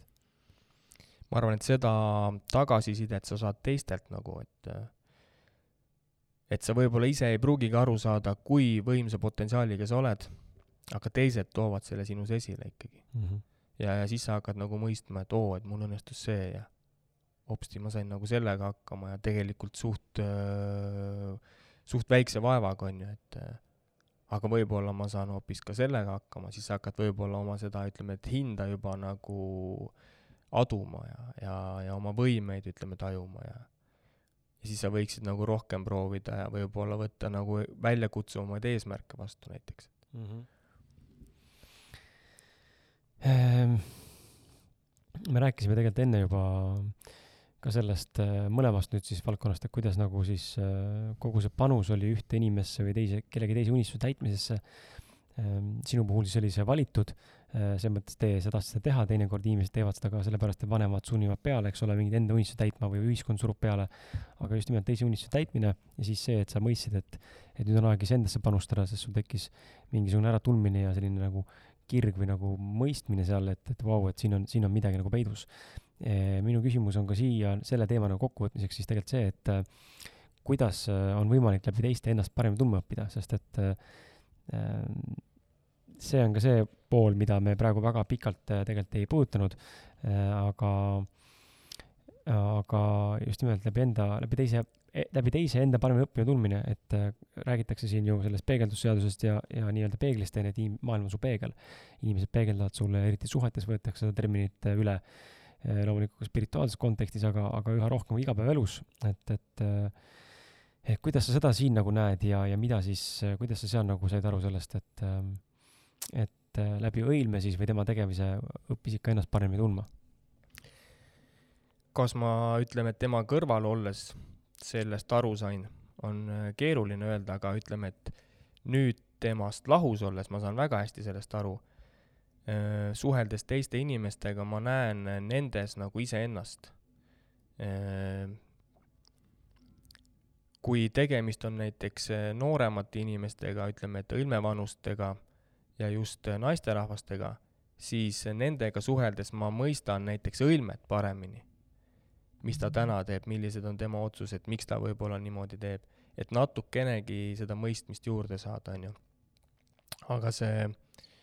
see mm, peegeldusseadus nagu see on, see on, see on päriselt olemas ja see on äh, see on võib-olla, kui see siduda armumisega näiteks, siis sa teist inimest nähes, sa justkui armud iseendasse mm. -hmm. et äh, tema toob sinus need head küljed esile nagu.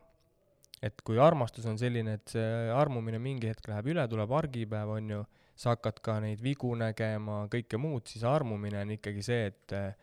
et sa, sa tõesti näed nagu seda enda headust, enda võimeid äh,, kõike positiivset, see mitte midagi nagu negatiivset ei ole, on ju. et äh, ja ütleme, et ennast armastada, ma arvan, et äh, Epp Kär siin äh, räägib sellest kogu aeg, on ju, et ise oled number üks ja ennast tuleb armastada, siis sa suudad ka teisi armastada, on ju, et ja, ja ütleme, et viimasel ajal nüüd üksi olles ja selle peale mõeldes mm, ja ennast võib-olla nüüd tõesti armastama hakates alles Äh, on see päris hea tundmine nagu või ütleme, tunne ka, et et see, see peegeldusseadus, see, see on reaalselt olemas ja, ja teised nagu õpetavad jah, tõesti nägema neis iseennast mm. -hmm. Ehm, ma vaatasin, sa, sa mainisid äh, sellest tutvustusülevaates, kuidas sulle neid äh, sinu, mille põhjal ma neid küsimusi üldse koostasin ja, ja siin natuke tõmbasin ka, et mainisid sellist huvitavat asja nagu holistiline regressiooniteraapia, et et mis see nagu tähendab ja, ja miks seda, miks sul seda vaja oli või kus sul tekkis huvi selle asja vastu seda õppima minna või selle kohta uurima hakata, et äh, räägi natuke sellest maailmast, mis, mis seal nagu toimub ja, ja mis selle ümber tegelikult nagu tiirleb, mida see annab inimesele mm,? ma mitte ei läinud seda õppima, vaid ma läksin ise sinna teraapiasse mm. -hmm. meil on, ütleme, selline aine nagu Olulised raamatud täna EBS-is,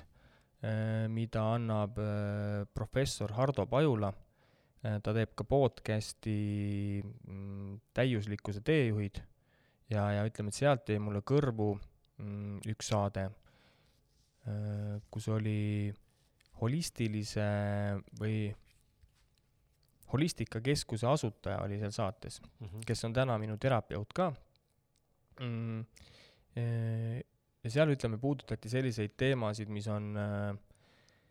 ütleme, et kaasaegne psühholoogia ja transpersonaalsus ja, ja ütleme, et kõik selline käsitlus, mis sai võib-olla alguse juba ütleme, psühholoog äh, Carl Gustav Jungist, äh, võib-olla edasi läks seal Stanislav Grofini ja, ja nii edasi ja see kõik nagu nii kõnetas, nagu ma olen maininud ka, et see psühholoogia nagu mind hullult köidab. Mm,, siis ma leidsin nagu ennast sellises äh, situatsioonis peale seda suhte purunemist ka, et mul oleks tarvis enda kasvamiseks äh, võib-olla saada nagu aru, mis asjad on lapsepõlves mm -hmm. läinud niimoodi, mida ma olen nagu kaasa võtnud ja mis mõjutavad mind nagu tänasel päeval, et et siis ma otsustasingi minna holistilisse regressiooniteraapiasse mis on siis nagu tugi õnneliku elu loomisele, et, et äh, kuidas ma siis ütlen, et seal, see aitab äh, minna rännakule elada võib-olla läbi see minevikus kogetu, see lahti lasta, äh, saada aru, et tegelikult toimub äh, elu siin ja praegu olevikus.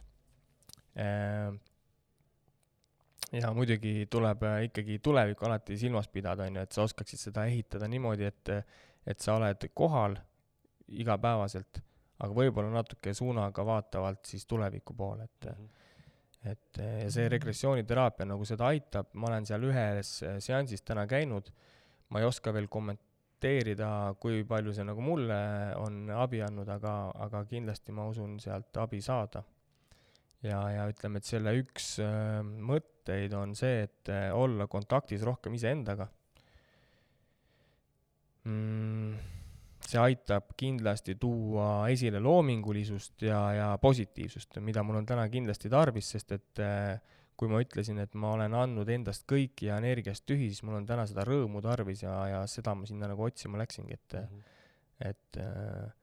et mitte jääda oma ambitsioonidele võib-olla jalgu, sest et need ambitsioonid, mis mul enda täna sees on, nagu need on nii Mm, ütleme täna keskastme juhina ma, ma üldse ei rahuldu sellega, kus ma nagu olen, et ma olen siia tulnud või jõudnud puhtalt tahtejõu pealt. ma pole nagu õppinud eh, eelnevalt, et ütleme, et ka seda ametikohta üldse mm, võib-olla oleks pidanud endale äh, välja võitlema, on ju. Aga see ambitsioon on nii jõhkralt kasvanud, et ma näen ennast ikka väga kõrges tipus, et äh, ja ma ei taha nagu jalgu jääda või ma ei taha oma ambitsioonidele jalgu jääda, mm -hmm. ma tahan nagu seda vabanemist ja seda rõõmu ja, ja seda nauditavust nagu oma ellu tagasi ja, ja siis liikuda edasi. ma arvan, nende teraapiate puhul äh, on, on suur eelis, äh, kõikide nende teraapiate puhul on suur eelis see, et ähm, ei saaks öelda, et nad otseselt aitavad, et kus ise ikkagi ei soovi endaga tööd teha või sa ei oska endaga tööd teha või sa pole valmis endale otsa vaatama päriselt selle jamal, mis su sees on. ega siis sealt midagi ei tule, et siin ju äh, võid ju käia siin neid teraapia uksi jalaga lahti lüüa küll ja küll, aga kui sa tegelikult tööd endaga ei tee, siis ega sealt muutust ei tule, et mina selle hüpnoteraapia ajal olen küll nagu näinud, ma olen ka käinud kaks korda ainult hüpnoteraapias ja mõlemal korral on tekkinud selline noh, kõvasti on rahu tulnud sisse, ma käisin enda vanemate mingeid jamasid lahendamas ja ja, ja nägin seda suuremat pilti nagu ja tekkis selline mõistmine, et ahah, et sain nagu kõrgemalt vaadata, välja summituna nii-öelda vaadata oma perekonda ja seda seisu, kus ma täna olen, et noh, ühe nii-öelda teooria alusel, miks see nii võib olla ja mis seos seal on ja see andis nagu sellist kergust ja hingamisruumi ja nüüd siin eelmine nädal, eelmine nädal oli kaks äh, pikka coaching'u seanssi Anne Launiga, kes on meil siin saates käinud ka ja teisest ma, ühest ma kirjutasin Facebooki pikalt juba, teisest ma teen ma ei tea, kui nüüd see saade välja tuleb, siis võib-olla see on ju väljas juba, aga meil, kui on, mine vaata igaks mu Facebooki profiili ausad meeste alla, et äh, siin podcast'i nimistu all ka võib-olla olemas on see, me tegime coach'i sessiooni ja panin see avalikult ülesse. ja siis ma näitasin nagu näitasime, kuidas Annela teed, tööd teeb ja kuidas äh, coach, äh, coach imine nii-öelda kui teraapiana või nagu selles mõttes sellise praktilise tööriistana aitab sul jõuda paremasse kontakti endaga ja sealt on tulnud nii suuri mõistmisi ja taipamisi, mida sa oled nagu enda eest varjanud või, või pole osanud nagu läbi näha või, või lihtsalt äh, ei ole julenud, julenud endale lõpuni tegelikult tunnistada või teadvustada, et selles mõttes äh, ma arvan küll, et kui sa ise vaata oled hädas, nüüd on see koht abi küsimise koht on ju ka mingil määral, kui sa ise oled tegelikult ikkagi see sita sees niimoodi, et sul on sopp üle pea ja ja tegelikult ei saa enam aru, mis toimub, siis ja oled ennast veits nagu kaotanud või kaotamas,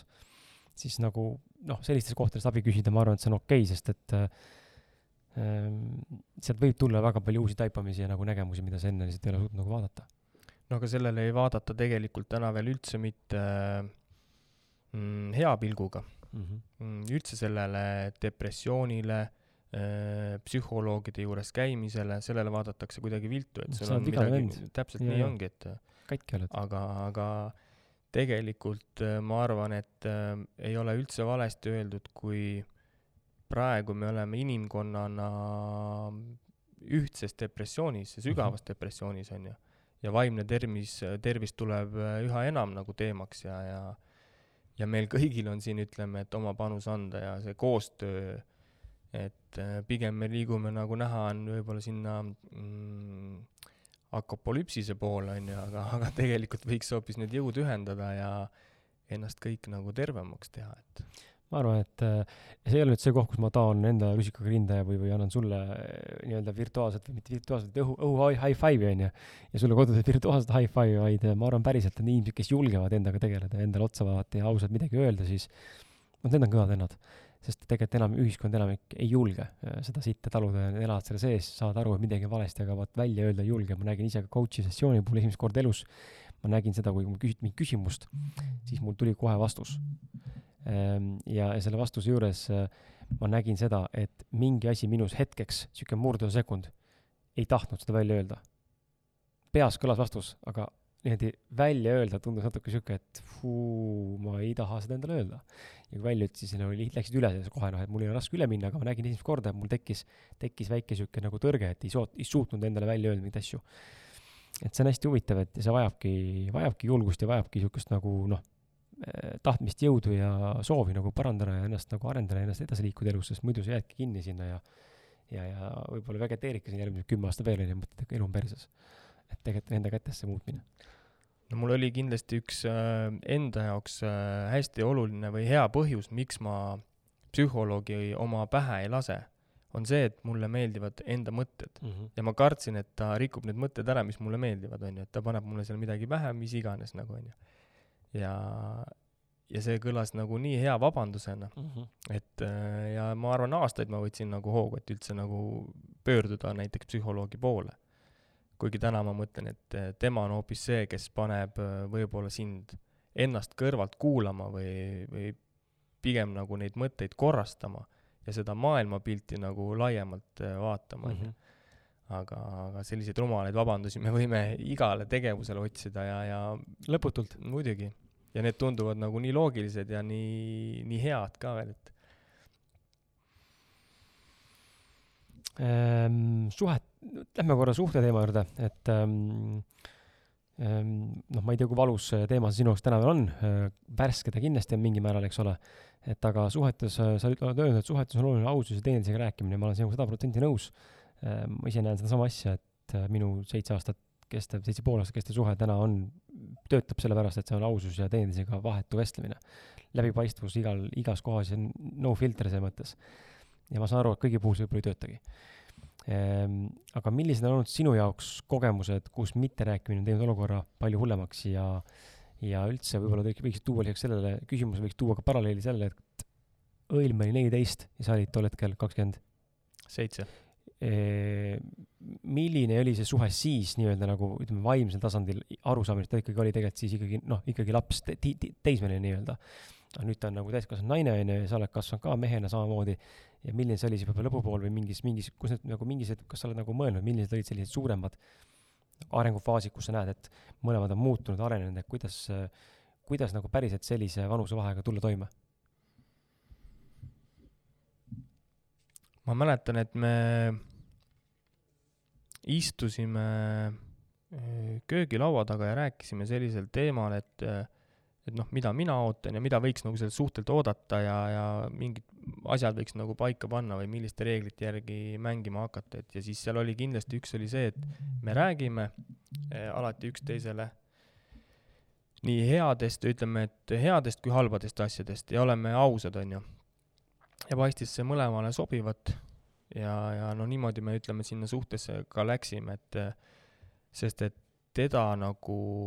mm, hea vestluspartnerina ma võtsin juba algusest peale, sest et ta, ta ei olnud sugugi mitte tavaline neljateistaastane, vaid ta oli äh, vestluspartner, kes äh, diskuteeris, kellel oli oma arvamus äh,. Tihti oli see selline, noh, kui sa oled noor, vaata, siis sa oled äh,, no ma olin ka siis kõige targem ja ta mm -hmm. oli ka siis kõige targem ja siis olid kaks kõige targemat nagu onju. aga, aga see vahe võib-olla oli selles, et tal oli oma arvamus ja ta oli nagu jäigalt selle suhtes kindel. aga mul oli juba siis see periood, kus ma, mul oli oma arvamus, ma kuulasin teiste arvamusi ja kohandasin nagu selle lõpparvamuse siis selle järgi. või ma kunagi ei äh, võtnud nagu kuidagi sellist äh, madalalaubalist äh, hoiakut, nagu võib-olla täna me kohtame päris paljudes äh, vestlustes äh,, suhetes ja nii edasi et sul on oma arvamus ja ongi nui neljaks nagu, on ju. või siis äh, näiteks on see, et äh, kui sul on vaja endale toetajaskonda, siis sa räägid oma arvamuse ära ja, ja sa saad selle toetajaskonna lihtsalt äh, sellepärast, et ta on su sõber, su vanem, su elukaaslane ja ütleme, et teine on äh, hoopis teise arvamuse, on ju öelnud, siis sa toetad pigem oma lähedast mm. -hmm. aga mul on see, et mulle meeldiks olla seal keskel nagu, sest et sa ei saa oma maailmavaadet äh, või seda paatkonda valida selle järgi, et, äh, et ta on su sõber või su elukaaslane mm -hmm. ja ma toetan tema maailmavaadet. vaid pigem on see, et äh, kuulad mõlemat poolt ja aitad võib-olla siis ka oma elukaaslasel näiteks mingit äh, asja kujundada või midagi näiteks juurde pookida, et mm, -hmm. et see, see asi on palju suurem, kui, kui me näeme oma mätta otsast, on ju. et ma olin tolleks ajaks juba nagu seal, et äh, ja, ja seda ma ka täheldasin hilisemas faasis, üldse see suhete teema on hästi oluline, minu arust suhted ongi võib-olla kõige tähtsamad asjad siin elus.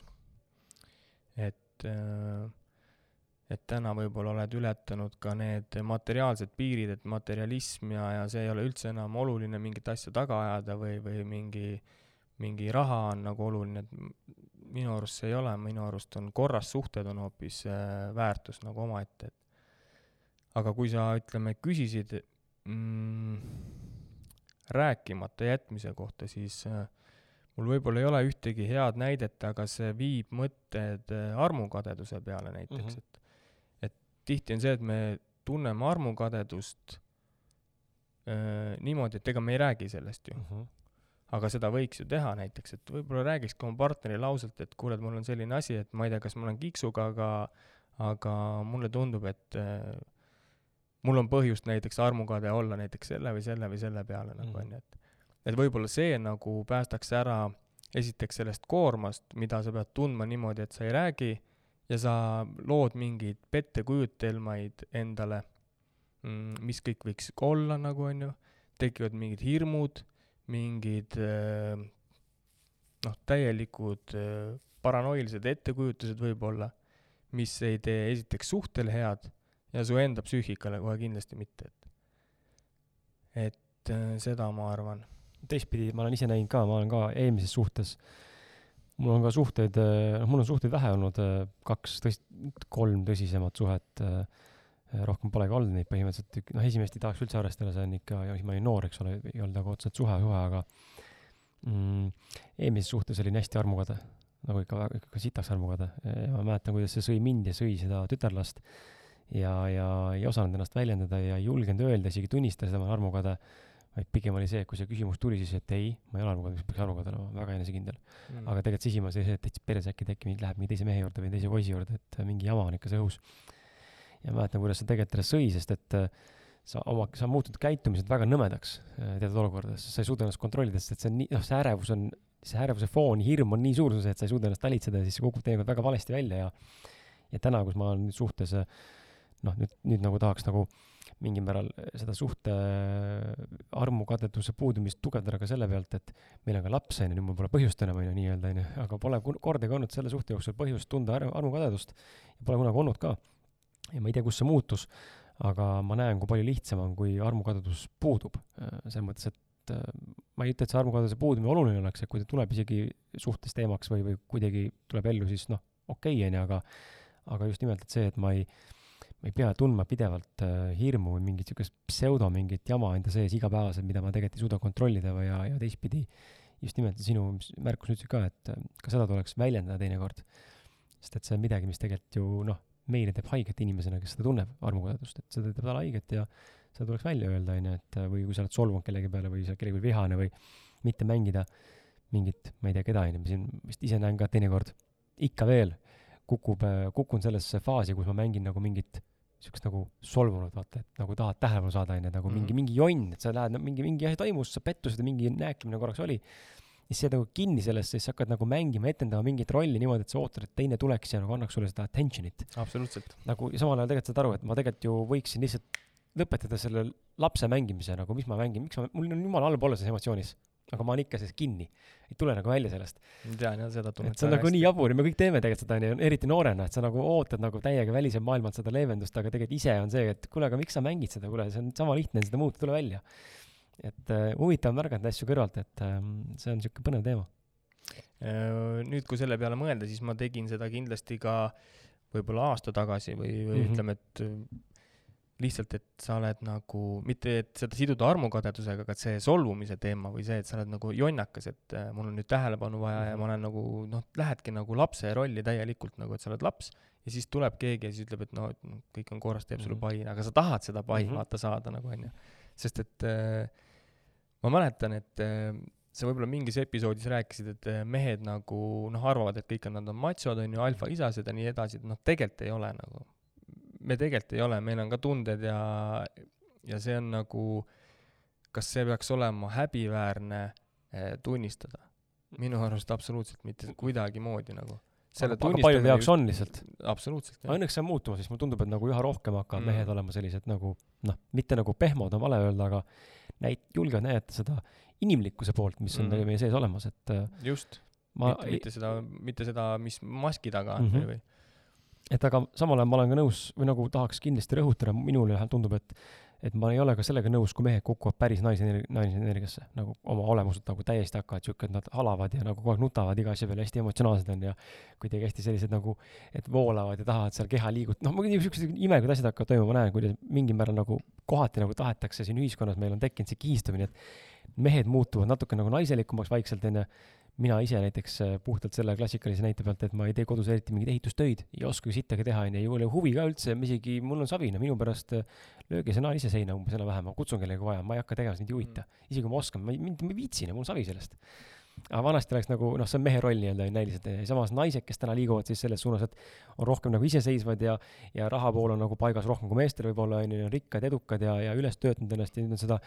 naiselikku macholikku juurde tekkinud, et natuke nagu peaks siin kuskil minu meelest tõmbama mingi piiri ikkagi, et siin nagu oma natuuri juurde jääma, mitte nagu seda puruks lööma või minema nagu teise äärmusesse. et noh, naine võiks ikkagi olla naiselik, mitte selline, et sa vaatad nagu tunned, et fuck, see on mingi teine alfaisane seal kõrval, et ma küll ei julge sellega koos ühes ruumis olla, on peksa äkki veel, et mm -hmm. et kuidagi nagu mingi sihuke, mulle tundub, et natuke ühiskonnas hakkab sisse sõitma selline hästi äärmuslik nagu suhtlemine nii meeste kui naistel. no aga see on ikkagi mehe ülesanne, ütleme, naisesse naiselikkus esile tuua või ütleme, et see naiselik vägi on ju äh, välja tuua või see on, äh, see ei tohiks nagu muutuda, pigem selle koha pealt võib-olla ma vaidleks vastu, et naised äh, noh, päris nii sa ei öelnud, aga ütleme, et naised võiks rohkem näidata näiteks oma liidrioskusi ja Kindlasti. ütleme, et see, mis on nagu ütleme, et mehe roll justkui olnud, aga see on nagu muutumas, on ju, et mm -hmm. mida ma näen näiteks õpingute käigus ka ja, ja ma olengi seda meelt, et võib-olla on see aeg möödas, et mehed nagu ehitasid selle maailma valmis, on ju, nüüd oleks vaja seda hoida ja ma arvan, et mees seda ei hoia, vaid seda hoiaks nagu naine ikkagi. Mm. -hmm et, äh, et see võiks olla, aga mehe roll on kindlasti see, et äh, see naiselikkus nagu esile tuua ja ja, ja isegi täna näiteks, kui ma mõtlen, et äh, ma seadsin nagu ennast esikohale, mm, olles võib-olla varem siis tagaplaanile jäetud, on ju, võib-olla iseenda poolt, ma ei tea, kas seda pidada siis altruistlikuks käitumiseks, sest et tegelikult sain ka mina ju sellest nagu kasu või see on nagu selline äh, mm, utilitaristlik pigem käitumine, kus nagu võib-olla kasu või heaolu saavad hästi paljud osapooled nagu onju. või oli see lihtsalt pelgalt egoism, et ma tahtsin võib-olla ennast äh, kellegi najal nagu ka uputada või oma unistusi mm -hmm. nagu täide viia. et võta sa kinni, et seal on kindlasti see äh, kombinatsioon nendest kõigist, aga aga, aga, aga nüüd läks natuke mõte lendu. väga hea mm sest et äh, tegelikult see naiseliku poole esiletoomine oligi see, see oli see teema jaa, et ma tahtsin seda öelda, et, et kui ma täna olen toonud nagu ennast äh, või seadnud nagu number üheks, siis sellest hoolimata näiteks naine, kes su kõrval on, minu arust mehena me peame ikkagi teda nagu esile tooma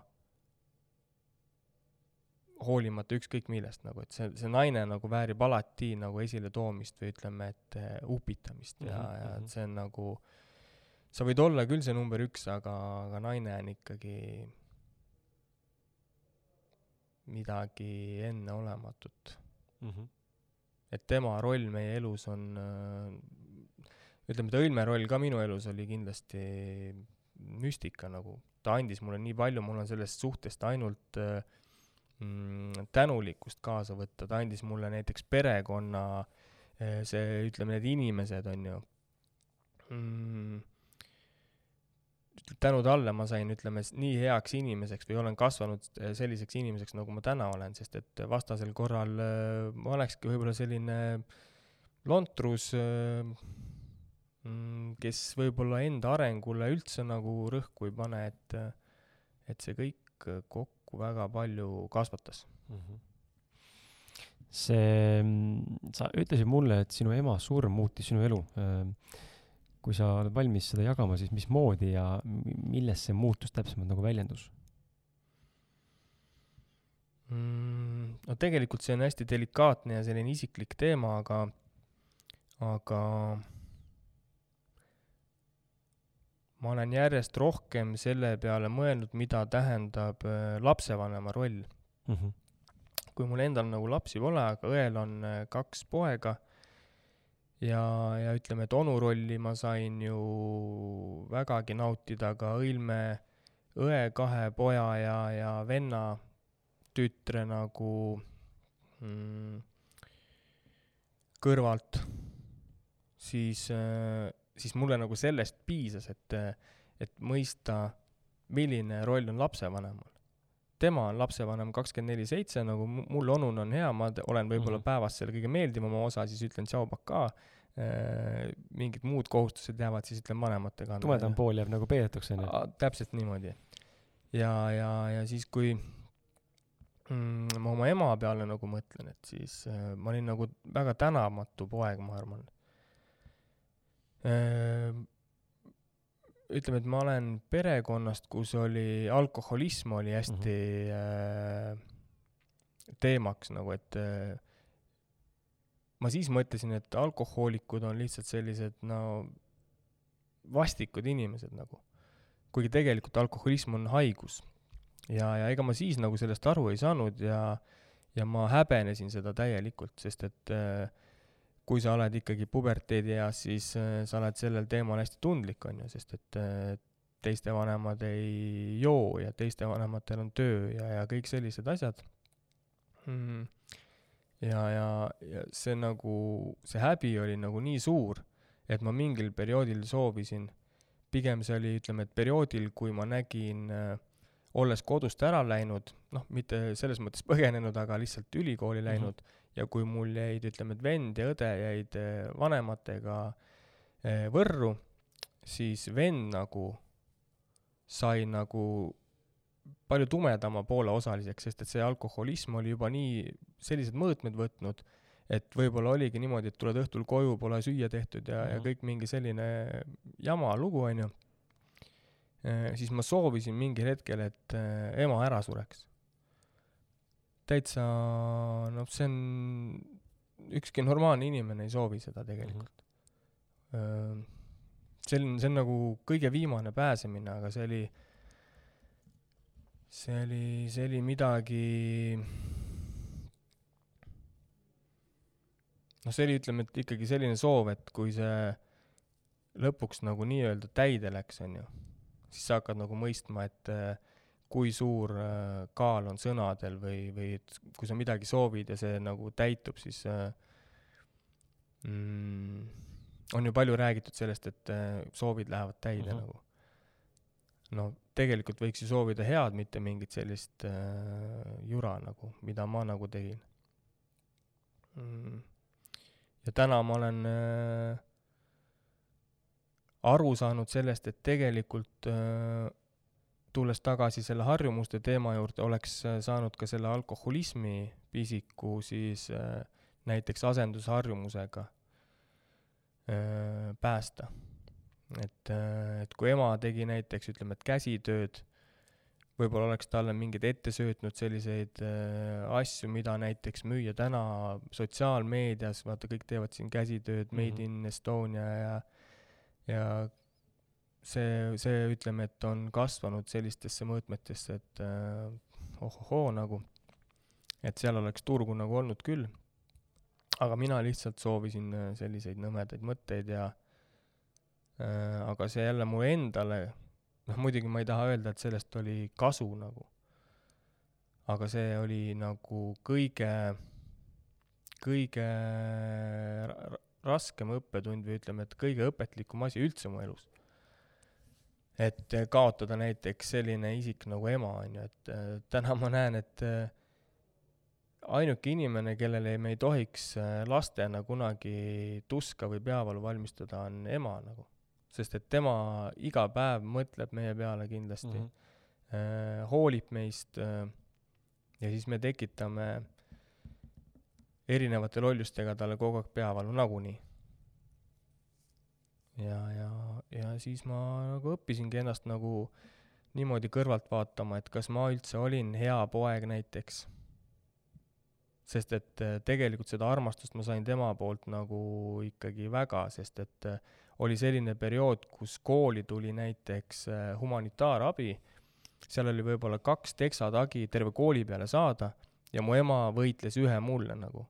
ma olin ikkagi nagu tehtud mees mm -hmm. siis mhm. nagu onju. Et see näitas seda, et tegelikult kui väga ta mind armastas. Aga see jah, see häbitunne nagu sai võitu või ütleme, et see,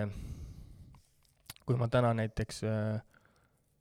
olen psühholoogias puutunud kokku äh, Šveitsi psühhiaatri Carl Gustav Jungiga, siis äh,, siis tema üks arhetüüp on näiteks äh, varjupool, on ju, või vari, et et see tegelikult äh, mm, näitabki seda, et me peame oskama elada ka oma selle varju või tumedama poolega. ja ilmselt see tumedam pool sai siis nagu võitu või mm -hmm. ütleme, et see tumedam pool minus soovis seda. et äh, aga, aga see oli, see oli valus õppetund, jah aga sellest õppetunnist on võimalik äh, tegelikult minna e-, edasi järgmise ja ühtlasi põhimõtteliselt viimase küsimuse juurde Eh, just nimelt andestamine ja minevikust lahti laskmine ja, ja võime siin rääkida nüüd sellest, et kuidas siis andestada ja lahti lasta minevikust, mis on seotud teiste inimestega, aga samal ajal tegelikult ka sinu endaga. Mis mul pähe kargas ka ongi see, et, et mitte nüüd, et, et sa ei peaks ennast süüdistama terve elu nüüd selles nii-öelda, et ema suri ära sellepärast, et sina mõtlesid niimoodi, et ilmselgelt see päris nii ei olnud, on ju, üks-ühele mm. -hmm. Aga kuidas nagu siin, kuidas nagu andestada endale eh, ja teistele või tähendab, kuidas andestada endale ja, ja kuidas siis äh, minevikust lahti lasta seoses enda asjadega ja sama küsimus siis, kuidas teha seda teiste inimestega?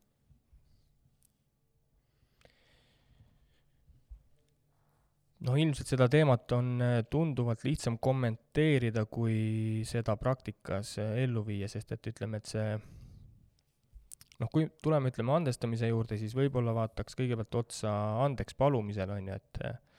et see on ka selline mm, lastetoast kaasa tulev asi, et nagu tänaminegi, siis kui sa ikkagi millegi vastu oled eksinud, siis võiks ju andeks paluda ja, ja ütleme, et kui,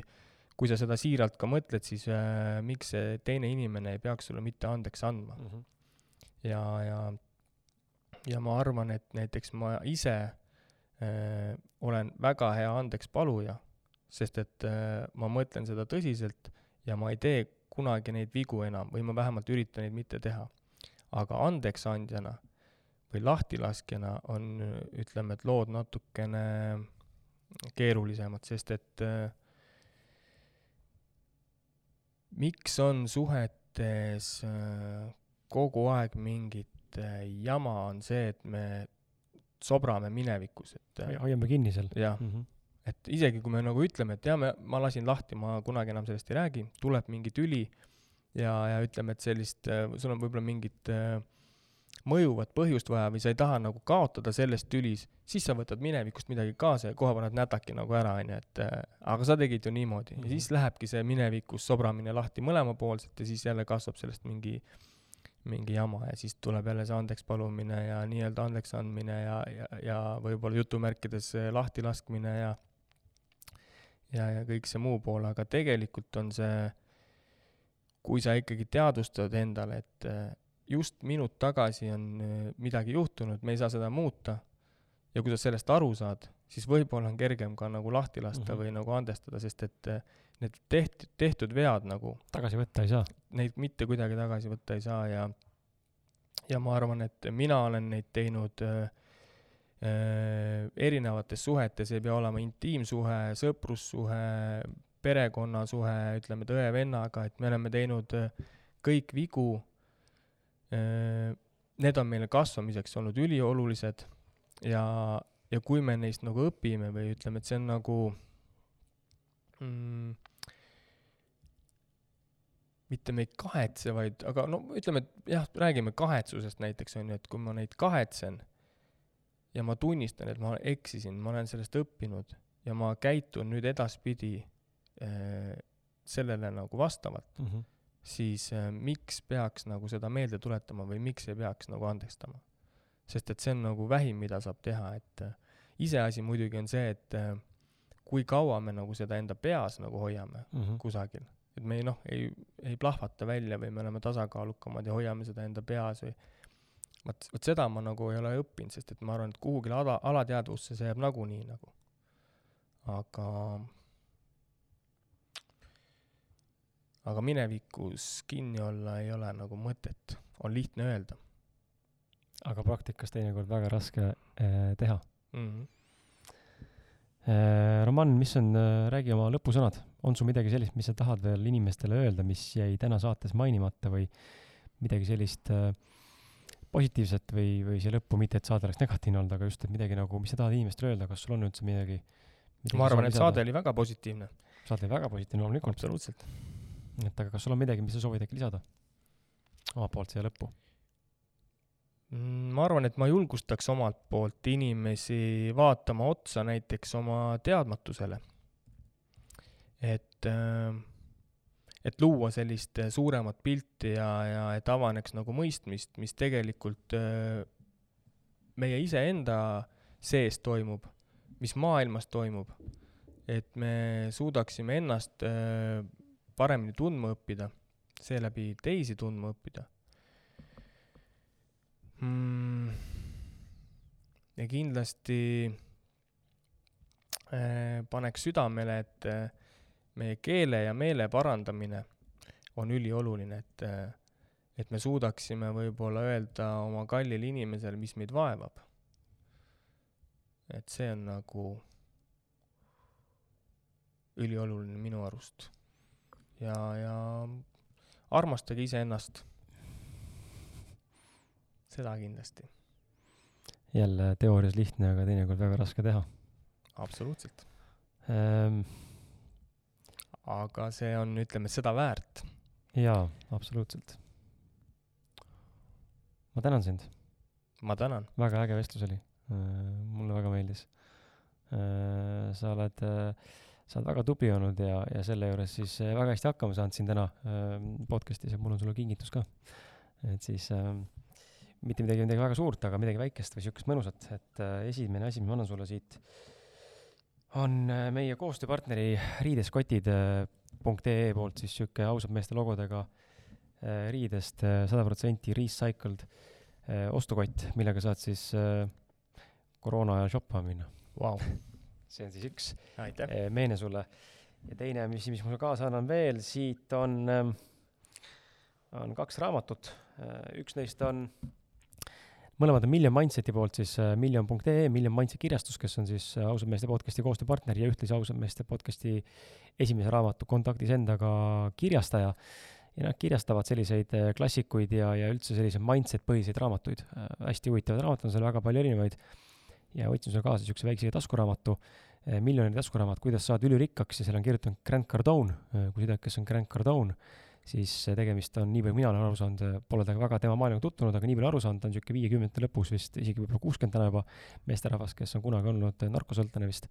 ja täna on siis multimiljardär kinnisvaraäris ja müügis. et ta on niisugune suur-suur guru nii-öelda ja väga suur iidol väga paljudele inimestele. nii et eh, see sulle siit kaasa, väike lugemine.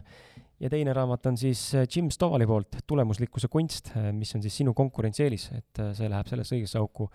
et jõuaksid sina enda nagu teel ja täna tuli välja ka, et saada aru siis seda, et enda esiplaanile seadmine ja, ja siis, siis saad teada, teada seda, kuidas ähm, edu defineerida, missiooni loomist, kirja leidmist, motivatsioonist natukene, eesmärkide individualiseerimisest ja elluviimise kunstist ja palju enam muud. niisugune väike äh, raamat veel kaasa ka sulle, nii et äh, aitäh sulle aitäh. äh, saatesse tulemast ja, ja, ja ja räägi, kust külastajad sind, kuulajad sind leida võivad on sul mingeid asju, mis sa tahad jagada, kutsuda kuskile lugema, midagi vaatama mm,? ma arvan, et äh, kõigepealt ma kutsun kuulama seda tänaseks nüüd äh, salvestatud podcast'i juba, mis me nüüd siin tegime, on ju, ehk siis äh, võiks kutsuda ka tegelikult äh, sõpru kuulama seda omakorda. absoluutselt mm. -hmm. ja niimoodi võiks see nagu pall veerema minna, aga ma ei ole kunagi ennast upitanud, on ju, et ma nüüd teen midagi vahvat ja tulge ja lugege, aga aga kellel huvi on, siis midagi uut hakkab kindlasti tulema nüüd järjest rohkem, et et leiab mind kindlasti Facebookist ja ja, ja mõtleme, võib-olla viivad meil teelt veel kord kokku, ütleme, kõigi tänaste kuulajatega ja võib-olla tuleb ka mingeid vahvaid ideid, mida koos nagu ära teha, sest et äh, teemad, mida võiks nagu arendada, on näiteks ütleme, et vaimne tervis, millest me ka täna rääkisime, harjumused, millest ma tahaksin võib-olla kirjutada oma bakatööd, võib-olla seda võib-olla süvitsi uurida ka magistris, on ju mm, -hmm. et äh, neid teemasid on palju ja, ja keda, ütleme, et huvitab äh, lihtsalt filosofeerimine, psühholoogia, siis, äh, siis ma olen alati laua taga käpp olema ja, ja teeme midagi suurt, et ja muidugi äh, ja muidugi spordiküsimus, ma hakkan nüüd selle peale mõtlema, et kas ma praegu nagu tahan selles osas nagu väga äh,